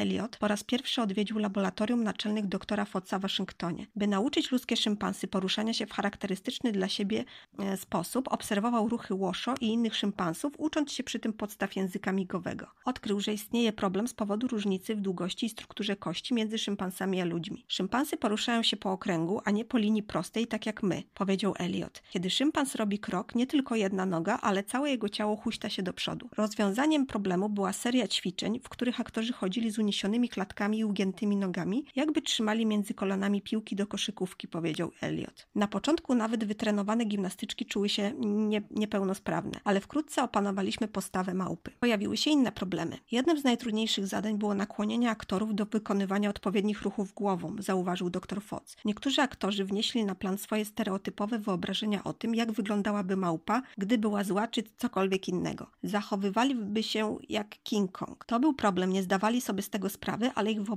o zachowaniu małp były tak głęboko zakorzenione, że trudno było je przezwyciężyć, powiedział doktor. Film luźno nawiązuje do dwóch pierwszych książek o Tarzanie. Dalej w artykule czytamy. Pan Hudson, który obserwował afrykańską przyrodę, czytał badania Jane Goodall nad zachowaniem szympansów, a także pracę Darwina i innych ewolucjonistów oraz kręcił filmy dokumentalne o zwierzętach, nie jest pewien, czy fabuła powieści Barrowsa jest możliwa w prawdziwym życiu, ale mówi o jej filozoficznych konsekwencjach. Czy człowiek porzucony jako niemowlę w zwierzęcym środowisku może istnieć, dojrzewać i dzięki swojej wrodzonej inteligencji stać się normalnym człowiekiem? Nie wiem, czy jest to wykonalne, czy nie, mówi Hudson, ale pomysł jest fascynujący. Głównym problemem Barrowsa jest to, czy zdziczałe dziecko może przystosować się do społeczeństwa. Reżyser mówi, że film opowiada o podróży Tarzana do samopoznania, której w końcu zdaje sobie sprawę, że nie może przystosować się do cywilizowanego życia jako hrabia Greystock i wraca do dżungli. Chodzi o małpę w człowieku i człowieka w małpie, powiedział Hudson. Dla mnie to wielka tragedia. Fenomeny czyli Fenomena, reżyseria Dario Argento, Włochy, Szwajcaria, 1985.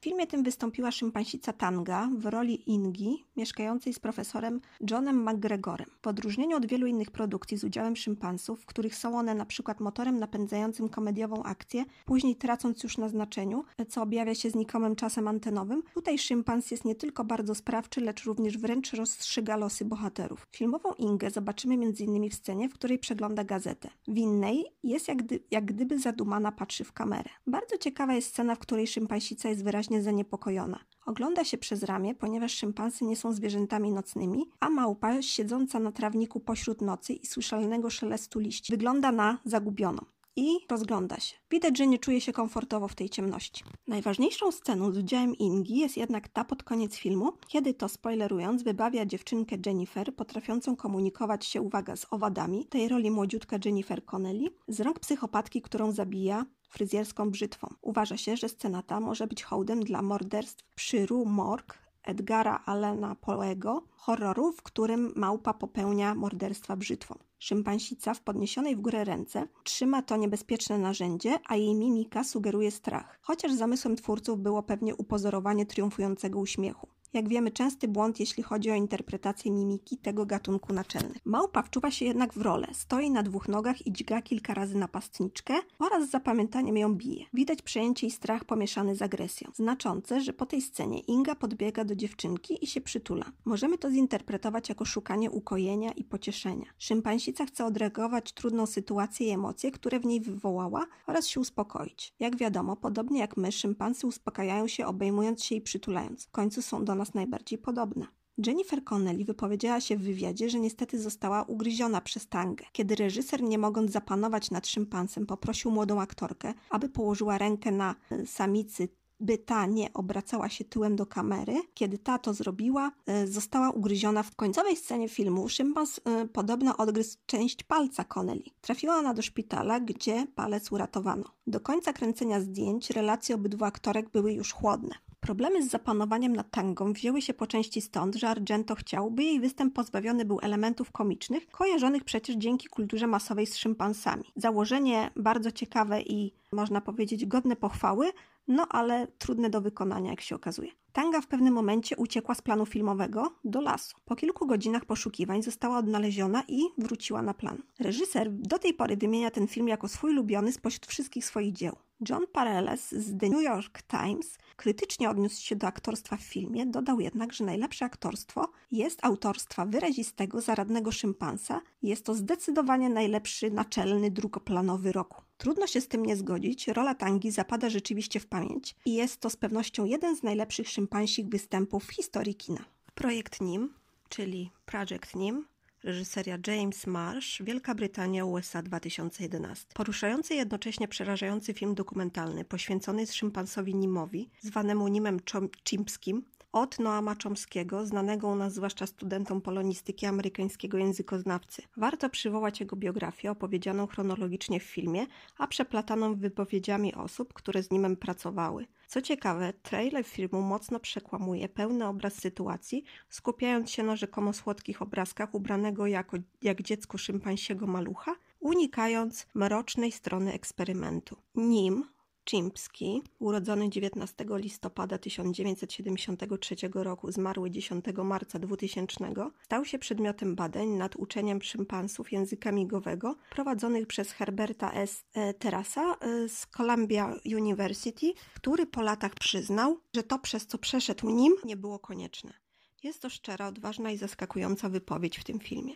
Nim jako szympansi noworodek został odebrany matce, co bardzo przejmująco zobrazowano w filmie, i był wychowywany w ludzkiej rodzinie jako dziecięcy niemowlak. Uczono go amerykańskiego języka migowego, Miał wielu ludzkich nauczycieli, z którymi się związał emocjonalnie. Przerzucany z domu do domu w okresie dojrzewania stał się agresywny. Po zakończeniu eksperymentu został zamknięty w klatce i odseparowany od osób, które znał i którym zaufał. Następnie został sprzedany w celu prowadzenia na nim eksperymentów medycznych. Ostatecznie został wykupiony przez fundację działającą na rzecz zwierząt. Resztę życia spędził na ranczu Black Beauty Ranch. Ostatnie pięć lat życia spędził z dwoma innymi szympansami, ale nie był w stanie nawiązać z nimi więzi. Zmarł w wieku 26 lat na atak serca. Jego organizm był bowiem bardzo wyniszczony z uwagi na eksperymenty, jakim został poddany. O okaleczeniach psychicznych nie trzeba chyba wspominać. Reżyser zainteresował się historią Nima, kiedy jego producent filmu Człowiek na linie z 2008 Simon Chin zwrócił mu uwagę na książkę Elizabeth Hess zatytułowaną Nim Chimpski The Chimp Who Would Be Human. Marsz był szczególnie zainteresowany opowiedzeniem historii poświęconej życiu zwierzęcia. Mamy tu więc do czynienia z typową zoobiografią. James Mahoney, główny e, lekarz weterynarii w laboratorium, w którym Nim spędził kilka późniejszych lat, niechętnie angażował się w film, biorąc pod uwagę fakt, że okres ten był najprawdopodobniej najbardziej traumatycznym czasem dla Nima. Reżyser e, przekonał go jednak, że nie zostanie przedstawiony jako czarny charakter, ponieważ e, Marsz nie chciał chodzić w tematykę dotyczącą praw zwierząt, ale mimo wszystko film ma wyraźną wymowę przeciwko praktykom, jakim został poddany nim. Smutny los Nima stał się przestrogą i widomym świadectwem tego, co człowiek jest w stanie zgotować szympansowi w imię nauki. Nim, potraktowany jak przedmiot, przerzucany z miejsca na miejsce, pozbawiony stabilizacji i towarzystwa, latami cierpiał męki, aby w końcu odejść przedwcześnie. Eksperyment się nie powiódł, a wszystko, co go spotkało, nie miało nie tylko sensu, ale i żadnego etycznego uzasadnienia. Trudno nie płakać nad jego losem, zwłaszcza gdy wyobrazimy sobie, jak musiał się czuć przez te wszystkie lata trwania nieetycznego eksperymentu lingwistycznego i później podczas tortur eksperymentatorów. Trudno też myśleć i mówić o szympansach, i to nie tylko tych filmowych, lecz w ogóle bez przywołania tego filmu. Benny znów na wolności, czyli Bonobos Back to the Wild, reżyseria Alan Dixier, y, Francja 2011. To kolejny film dokumentalny. Jesteśmy w Afryce, gdzie obserwujemy populację stosunkowo rzadko pojawiających się w filmach szympansów karłowatych, czyli bonobo. Film oglądałam lata temu w kinie podczas warszawskiego festiwalu filmowego. Niestety kłusownicy nie dają im spokoju. Pojawia się, pojawią się więc zainscenizowane ujęcia z szympansiego punktu widzenia na zarzucaną na zwierzę siatkę oraz na targ widoczny poprzez szparę w skrzyni. W końcu znajdziemy się w ośrodku o nazwie Lola Ja Bonobo Sanctuary w Kongo, w którym jego założycielka, Belgijka Claudine André oraz opiekunki, przybrane matki, leczą małe szympansy z doznanych traum fizycznych i psychicznych, by w końcu przywrócić je naturze. Film koncentruje się na losach Beniego, który staje się symbolem całego szympansiego przedszkola. Geneza planety małp, czyli Rise of the Planet of the Apes, Rupert Wyatt, y, USA 2011. Bardzo lubię ten film science fiction, gdyż wątek zwierząt buntujących się przeciw ludzkości to coś, co w kinie pojawia się zdecydowanie rzadziej niż ich wyzysk, a szkoda. Oczywiście wcześniejsze ekranizacje Planety Małp z ludźmi w rolach y, szympansów i goryli trzeba znać, jednak film z 2011 ma wiele zalet. W 2006 roku scenarzysta i producent Rick Jaffa szukał pomysłu na scenariusz. Zaintrygował go artykuł o domowych szympansach, które stają się kłopotliwe dla swoich y, właścicieli i nie są w stanie dobrze przystosować się do ludzkiego środowiska. Dodał, bardzo staraliśmy się stworzyć historię, która byłaby niezależna, jednocześnie oddałaby hołd i, i uhonorowała filmy, które były przed nami. Reżyser Rupert Wyatt skomentował oryginalność fabuły mówiąc, to część mitologii i tak należy to postrzegać. Nie jest to kontynuacja innych filmów, to oryginalna historia. W wywiadzie z 2009 Wyatt powiedział: Włączyliśmy elementy z podboju planety małp, jeśli chodzi o to, jak małpy zaczynają się buntować, ale to przede wszystkim prequel filmu z 68 roku. Caesar to rewolucyjna postać, o której małpy będą mówić przez wieki. To tylko pierwszy krok w ewolucji małp człowiekokształtnych, a potem jest wiele więcej historii do opowiedzenia. Wyobrażam sobie, że następny film będzie opowiadał o totalnej wojnie między małpami a ludźmi. Filmowe małpy zostały stworzone przy użyciu rozbudowanych efektów wizualnych i przechwytywania ruchów na zlecenie Weta Digital. W rolę charyzmatycznego, genialnego szympansa Caesara wcielił się Andy Serkis. Jego głos został wyprodukowany przez projektanta dźwięku Chucka Michaela, który y, zmiksował dźwięki wokalizacji dorosłych samców szympansów nagranych w Chimp Heaven z głosem Serkisa. Postać Caesara została oparta na dwóch prawdziwych szympansach, Oliwierze i Nimie, o którym już wcześniej mówiłam. Po rozważeniu udziału w e, filmie Prawdziwych Małp, zamiast tego Weta Digital stworzyła małpy cyfrowo w prawie każdym przypadku poprzez przechwytywanie ruchów. Prewizualizowano prawie 1500 ujęć z efektami wizualnymi. Postęp w technologii pozwolił na wykorzystywanie przechwytywania ruchów w środowisku zewnętrznym, dając filmowcom swobodę kręcenia większości filmów w plenerze z innymi aktorami w przeciwieństwie do ograniczeń ścieżki dźwiękowej. Głównym przełomem była kamera umożliwiająca oglądanie kropek motion capture w świetle dziennym, używana głównie do sceny bitwy pod mostem Golden Gate. Maksymalnie sześciu aktorów mogło uchwycić swoje ruchy, przy czym większe tłumy małp używały w pełni cyfrowych zwierząt animowanych, wygenerowanych za pomocą biblioteki ruchów Weta Digital.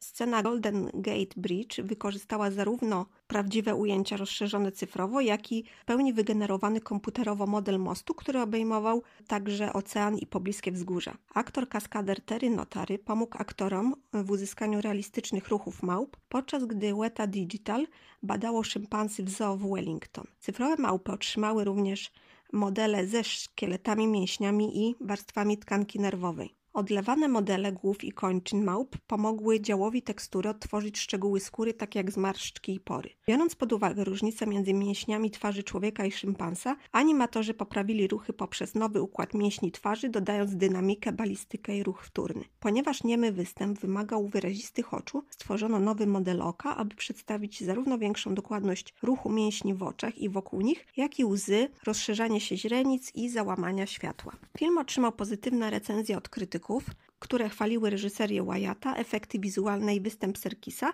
co pomogło zmienić postrzeganie korzystania z efektów przechwytywania ruchów, czyli motion capture. Roger Ebert przyznał filmowi 3 z 4 gwiazdek i pochwalił rolę Cezara, e, czyli Andiego Serkisa, stwierdzając, że była to cudownie wykonana postać i nigdy nie wiadomo dokładnie, gdzie kończy, gdzie, gdzie kończy się człowiek, a zaczynają efekty specjalne. Ten film jest pierwszą częścią, w której obok szympansów, goryli i orangutanów występują inne gatunki małp człowiekokształtnych. Mam tu na myśli kobek, który jest bonobo. Jednak nie do końca wygląda jak on jak y, szympans karłowaty, jest zdecydowanie od niego agresywniejszy, na co wpływ mają oczywiście tortury, jakim był poddawany. Koba może być wzorowany na dwóch prawdziwych małpach człowiekokształtnych, Kanzi, y, bonobo, który opanował komunikację za pomocą klawiatury, Georgia State University, oraz e, dzikiego, agresywnego szympansa o imieniu Saddam, który e, ponoć zamordował kilkoro dzieci e, w Ugandzie. Chociaż w kulminacyjnym momencie filmu wydaje się, że po San Francisco biega mnóstwo małp przekokształtnych,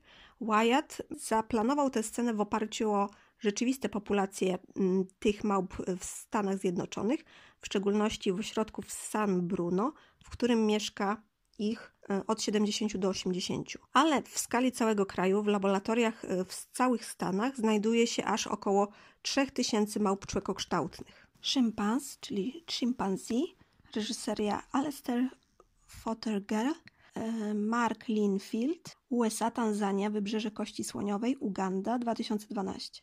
Pełnometrażowy film przyrodniczy wyprodukowany przez Disney Nature, szósty wydany w tej serii i dystrybuowany przez Walt Disney Studios opowiada o losach Oscara, małego szympansa zwyczajnego, żyjącego w Parku Narodowym Tai na wybrzeżu Kości Słoniowej. Niestety, podczas ataku konkurencyjnej grupy szympansów zostaje rozdzielony z matką o imieniu Isha, która następnie prawdopodobnie pada ofiarą Lamparda. Nieświadomy śmierci matki Oscar spędza większość czasu na jej poszukiwaniu. Ma przy tym problemy z przypominaniem sobie rzeczy, których go nauczyła i szybko traci na wadze. Próbuje znaleźć inną matkę, Mm, jednak żadna z samic w grupie nie może sobie pozwolić na to, żeby wychowywać drugie młode, skoro już ma swoje własne. Osierocony Oscar nie poddaje się i dzielnie zabiega uwagę szympansów, jednak ku zaskoczeniu filmowców zostaje adoptowany nie przez inną samicę, lecz przez samca alfa ze swojej grupy, czyli Frediego. Niewątpliwym atutem filmu są piękne zdjęcia i ścieżka dźwiękowa, a przede wszystkim chwytająca za serce historia. Film uzyskał dobre recenzje, a na stronie Rotten Tomatoes możemy przeczytać – Szympans często antropomorfizuje swoich bohaterów, ale jest to pięknie sfilmowane, niezwykle intymne spojrzenie na życie rodziny naczelnych. Trudno się z tym nie zgodzić. Tworzenie filmu zajęło ekipie ponad 4 lata ze względu na trudności związane z kręceniem w dżungli Parku Narodowego Tai w porze deszczowej. Chociaż badania sugerują, że szympansy są zdolne do aktów altruizmu, adopcja Oscara jest pierwszym przykładem takiego ich działania udokumentowanym w filmie. Nie widzą zła, czyli See No Evil, Reżyseria Jos de Puter, Holandia, Belgia 2014. Jak starałam się dzisiaj wykazać, najlepsze filmy o szympansach to dokumenty. W tym przypadku warto na początek zastanowić się, do kogo odnosi się tytuł tego niespełna godzinnego filmu. Oczywiście do nas jako gatunku, który nie widzi, a raczej doprecyzujmy, nie chce widzieć tego, co robi innym gatunkom, w tym przypadku szympansom. Drugie znaczenie odnosi się do znanego powiedzenia see no evil, hear no evil, speak no evil, wiążącego się z figurkami i emotkami trzech małp. Jedna zasłania sobie oczy, druga uszy, a trzecia usta. Trzy mądre małpy to japońska maksyma obrazkowa ucieleśniająca przysłowiową zasadę nie widzę zła, nie słyszę nic złego, nie mówię nic złego. A te trzy małpy to Mizaru, który nie widzi zła, czyli zakrywa oczy, Kikazaru, który nie słyszy zła, czyli zakrywa uszy i Iwazaru, który nie mówi nic złego, czyli zakrywa usta. Film otwiera zresztą cytat z Johna Bergera, Oczy zwierzęcia, gdy widzą człowieka, stają się czujne i ostrożne.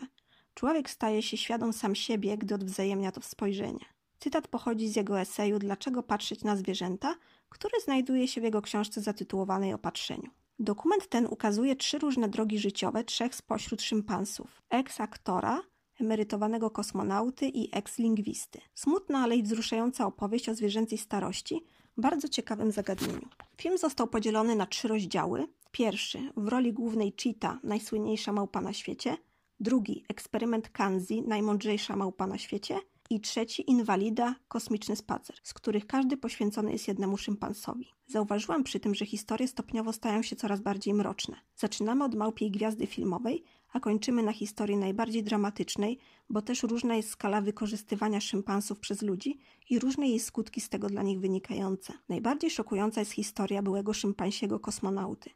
Niesamowicie schorowane i okaleczone psychicznie zwierzę to wrak wspaniałego niegdyś zwierzęcia. Większość scen rozgrywa się bez komentarza Zofu. Tu obrazy mówią więcej niż tysiąc słów. Materiały archiwalne z jego udziałem, ukazujące tortury, jakim był poddawany w imię nauki, a pod szyldem NASA, przeplatają się z jego smutną z uwagi na e, problemy zdrowotne, fizyczne, neurologiczne i psychiczne teraźniejszością. Niestety nie może on nam sam opowiedzieć swojej historii. Chyba nigdy w kinie nie byliśmy tak blisko cierpienia bezimiennego szympansa. Scen z jego udziałem z pewnością się nie zapomni. Przygotujcie koniecznie chusteczki. Ja oglądając je zastanawiałam się, jak ludzie, którzy pracowali w NASA, potrafili spojrzeć w lustro, bowiem samo oglądanie tych scen jest dla wrażliwego na los zwierząt widza torturą. Wzrusza także opowieść o jednej z małp odtwarzającej rolę Cheety w filmach o Tarzanie, która po śmierci opiekuna i trenera znalazła na szczęście godną starość u jego syna. Sędziwa małpa, pogryzając orzeszki, ogląda z dużym zainteresowaniem filmy ze swoim udziałem. Ten obraz naprawdę porusza. Zwróciłam uwagę na scenę, w której przegląda ona książkę poświęconą filmowym zwierzętom, którą również posiadam i często z niej korzystam, zatytułowaną The Encyclopedia of TV Pets. Co szympansy zrobiły dla nas, a co my dla nich? Warto się nad tym zastanowić. Film znajdziecie na Netflixie i naprawdę zachęcam do jego obejrzenia. Inne produkcje z udziałem szympansów. Bedtime for Bonzo, reżyseria Frederick de Cordova, USA 1951. Jest to amerykańska komedia z udziałem Ronalda Reagana i szympansa o imieniu Tamba w roli Bonzo. Główny ludzki bohater, czyli profesor psychologii Peter Boyd, w tej roli Reagan, próbuje nauczyć szympansa ludzkiej moralności, mając nadzieję na rozwiązanie odwiecznego problemu, co w większym stopniu na nas wpływa natura czy wychowanie. Warto dostrzec, że szympansy często występują w filmach podejmujących ten temat. Wracając do fabuły. Ku niezadowoleniu swojej narzeczonej, naukowiec zatrudnia Jane Linden, aby udawała matkę szympansa, podczas gdy on gra jego ojca i wykorzystuje techniki wychowywania dzieci z lat 50. XX wieku. Co ciekawe, Para udaje przed Bonzo, inscenizując sytuacje z życia wzięte, przykład wspólny rodzinny posiłek czy kładzenie dziecka, w tym przypadku małpiego, spać. Jak w innych filmach tego typu z udziałem szympansów, z obecnością Bonzo również wiążą się zabawne sytuacje, których staje się katalizatorem. I tak włącza on odkurzacz i przestraszony ucieka przez okno, wspinając się na drzewo. Potrafi zadzwonić po straż pożarną, a także zabrać drabinę tkwiącej na drzewie Jane, której oczywiście nie udało się schwytać dowcipnego szympansa. Najzabawniejszą sceną jest chyba ucieczka Bonzo na trójkołowym rowerku i sprytny zwód, kiedy widzi ścigającego go autem Petera. Bonzo ma też słabość do naszyjników, stąd wpada w tarapaty, gdy jeden z nich kradnie ze sklepu jubilerskiego. Pouczony przez Jane zwraca kolię i unika grożącego mu niebezpieczeństwa, którym byłoby przekazanie go do laboratorium. W źródłach dotyczących filmu można znaleźć informację, że w sequelu filmu zatytułowanym Bonzo Goes to College z 1952 nie zagrał żaden z trzech głównych wykonawców z oryginalnego filmu. Tamba, który wcześniej zagrał w My Friend Irma Goes West z 1950 niestety zginął tragicznie w pożarze 4 marca 1951 roku, więc do drugiego filmu zatrudniono już innego szympansa. Anegdota z planu filmowego Bedtime for Bonzo ujawnia, że Tamba był tak zaintrygowany krawatem, który miał na sobie Ronald Reagan, że szarpnął go mocno, prawie dusząc późniejszego prezydenta. W jednym miejscu napotkałam informację, że w filmie zagrała pięcioletnia szympansica o imieniu Peggy. Niestety nie udało mi się zweryfikować, czy to prawda, jest to jednak prawdopodobne, jeśli weźmiemy pod uwagę zwierzęcych dublerów. Według scenarzysty filmu Teda Bergmana, Peggy podobno potrafiła płakać na komendę. Tarzan, twórca Cy Weintraub, USA 1966-1968. Szympansa Cheetah w serialu pierwotnie miał zagrać Dinky, jednak po tym, jak ugryzł w szczękę od twórcy roli Tarzana, Rona Eliego, produkcję przerwano, aktorowi założono 20 szwów, a proces leczenia trwał 3 tygodnie. Po tym incydencie Fernando Celis, trener zwierząt do filmu, zdecydował się zatrudnić niewielką szympansicę o imieniu Vicky, która w, roli Cheety sprawdziła się doskonale. Znalazł on ją, w, on ją w Redondo Beach w Kalifornii, w jednym ze sklepów, gdzie jeździła na deskorolce. Miała wtedy 2,5 roku. Została wykupiona za 500 dolarów i tak oto zaczęła się jej filmowa przygoda. Vicky była tak inteligentna, że nie czekała wcale na komendę od trenera. Doskonale dogadała się z Elim, który sam ją do siebie wołał. Reagowała nawet na słowa akcja i cięcie. Prawdziwa aktorka w dodatku nigdy nie próbowała nikogo ugryźć. Umiała padać na komendę bang bang, a także jeździć na lwie. Dublerem Wiki był spory samiec o imieniu Elmer, który raz uratował Selisowi życie. Po zakończeniu produkcji zarówno Wiki, jak i Elmer trafili do szympansiego azylu. Monkeys Go Home, reżyseria Andrew V. McLaglen, USA 1967. O tym filmie wspominam, gdyż odnajdziemy tu zupełnie inne podejście do wykorzystywania zwierząt w lotach kosmicznych. Fabuła w dużym skrócie, film nie jest bowiem powszechnie znany. Henry Dussard, w tej roli etatowy disneyowski aktor Dean Jones, który miał duże doświadczenie w grze w filmach ze zwierzętami, to młody Amerykanin, który dziedziczy farmę oliwek w południowej Francji. Nie przybywa jednak na nią sam. Towarzyszą mu cztery ubrane w szare bluzy amerykańskich sił powietrznych szympansice o imionach nadanych na okoliczność przeprowadzki do Francji. Są to Celeste, Delphine, Madeline i Monique. Henry był ich trenerem lotów w kosmos, co jest tutaj ukazane jako coś chwalebnego i godnego pochwały, a teraz małpy są na emeryturze, chociaż na stare bynajmniej nie wyglądają. Robią dużo zamieszania, psocą i bujają się na oponach zawieszonych u powały swojego pokoju. Ponieważ Henry słyszy, że oliwki, których na terenie jego posiadłości nie brakuje, najlepiej zrywają małe rączki, a na ludzkich zbieraczy go nie stać, zatrudnia do tej pracy szympansy. I tu chciałam zauważyć, że film niebezpiecznie dryfuje ku skojarzeniom z niewolnictwem i wykorzystywaniem zwierząt. Twórcy zdawali sobie najwyraźniej z tego sprawę, gdyż w pewnym momencie pada kwestia potępiająca tego typu praktyki. Trzeba jednak przyznać, że film ogląda się nieźle z uwagi na uroczego jak zwykle Jonesa oraz szympansy, które nie wyglądają na zbyt zestresowane, jednak zawsze trzymają się razem i to dosłownie – bowiem trzymają się za ręce, tworząc zabawny orszak. Próba sabotażu ich pracy przy zbiorze oliwek zostaje skutecznie przeprowadzona dzięki pojawieniu się szympansa płci męskiej, za którym samice z entuzjazmem podążają. Typowa slapstickowa komedia Disneya.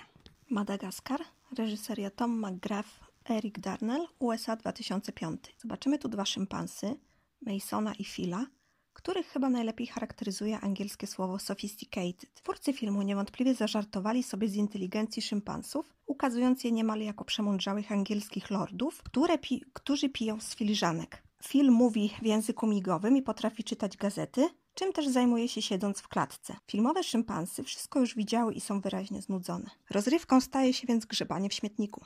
Moje życie z Lucy, czyli Lucy the Human Chimp, reżyseria Alex Parkinson, Wielka Brytania, 2021 rok. Los szympansicy Lucy, która urodziła się w 1964 roku w przydrożnym Minizoo na Florydzie, do pewnego stopnia przypomina historię życia Nima. Badana przez psychologów z Uniwersytetu Oklahoma, podobnie jak on wychowywała się w domu wśród ludzi, gdzie nauczyła się z nimi komunikować. Miała jednak od niego więcej szczęścia. Zaangażowanej emocjonalnie opiekunce Janice, wtedy studentce psychologii, udało się przywrócić ją naturze. Wszystko ma jednak swoją cenę, za którą trzeba w tym przypadku zapłacić wyrzutami sumienia. Kolejna poruszająca, bo prawdziwa opowieść o przyjaźni ludzko-szympansiej. Polscy dystrybutorzy asekuracyjnie przetłumaczyli tytuł na Moje życie z Lucy. Czyżby oryginalny tytuł, dający się przetłumaczyć na Lucy ludzki szympans, to ich zdaniem dla polskiego widza zbyt dużo? Film jest obecnie dostępny na HBO Max. Szympansie motywy filmowe. The Attic, reżyseria George Edwards, USA 1980. Tym afektowanym i mocno przeciętnym horrorze z udziałem Reya Milanda bohaterka oszalała po utracie ukochanego, ma w swoim pokoju pokaźną kolekcję pluszowych szympansów, których jest wielbicielką. Dają jej one poczucie bezpieczeństwa i zapewniają pociechę.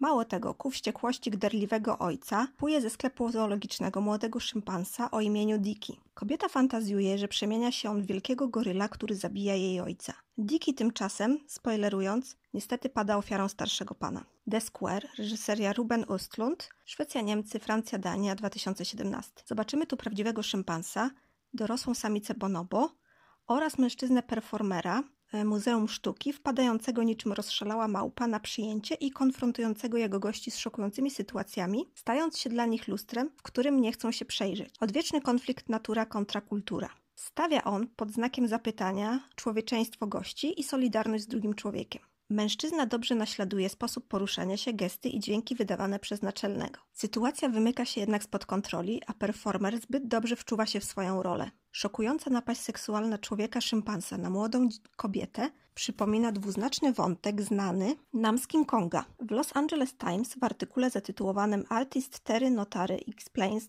that uncomfortable dinner scene in Oscar contender The Square można przeczytać o kulisach powstawania tej, jak się okazuje, rzeczywiście mocno improwizowanej sceny. Moja żyrafa, czyli po holendersku Dikiertie Dab, e, reżyseria Barbara Bredero, Holandia, Belgia, Niemcy, 2017. W tym filmie zobaczymy pocztówki z foką, zebrami i szympansem. Pora na moje top 3 filmów z szympansimi bohaterami. Miejsce trzecie Geneza planety Małp z 2011. Caesar to bohater na, na miarę lwa Aslana z poprzedniego odcinka podcastu. Dzielny przywódca swoim życiem zaświadcza, jak okrutni potrafią być ludzie. Sprawia, że wręcz kibicujemy jego zemście. Miejsce drugie. Nie widzą zła z 2014. Najlepsze filmy o szympansach to bowiem dokumenty. Ten ukazuje trzy różne drogi życiowe, trzech spośród nich: eks-aktora, emerytowanego kosmonauty i eks-lingwisty. I pora na miejsce pierwsze. Projekt NIM z 2011.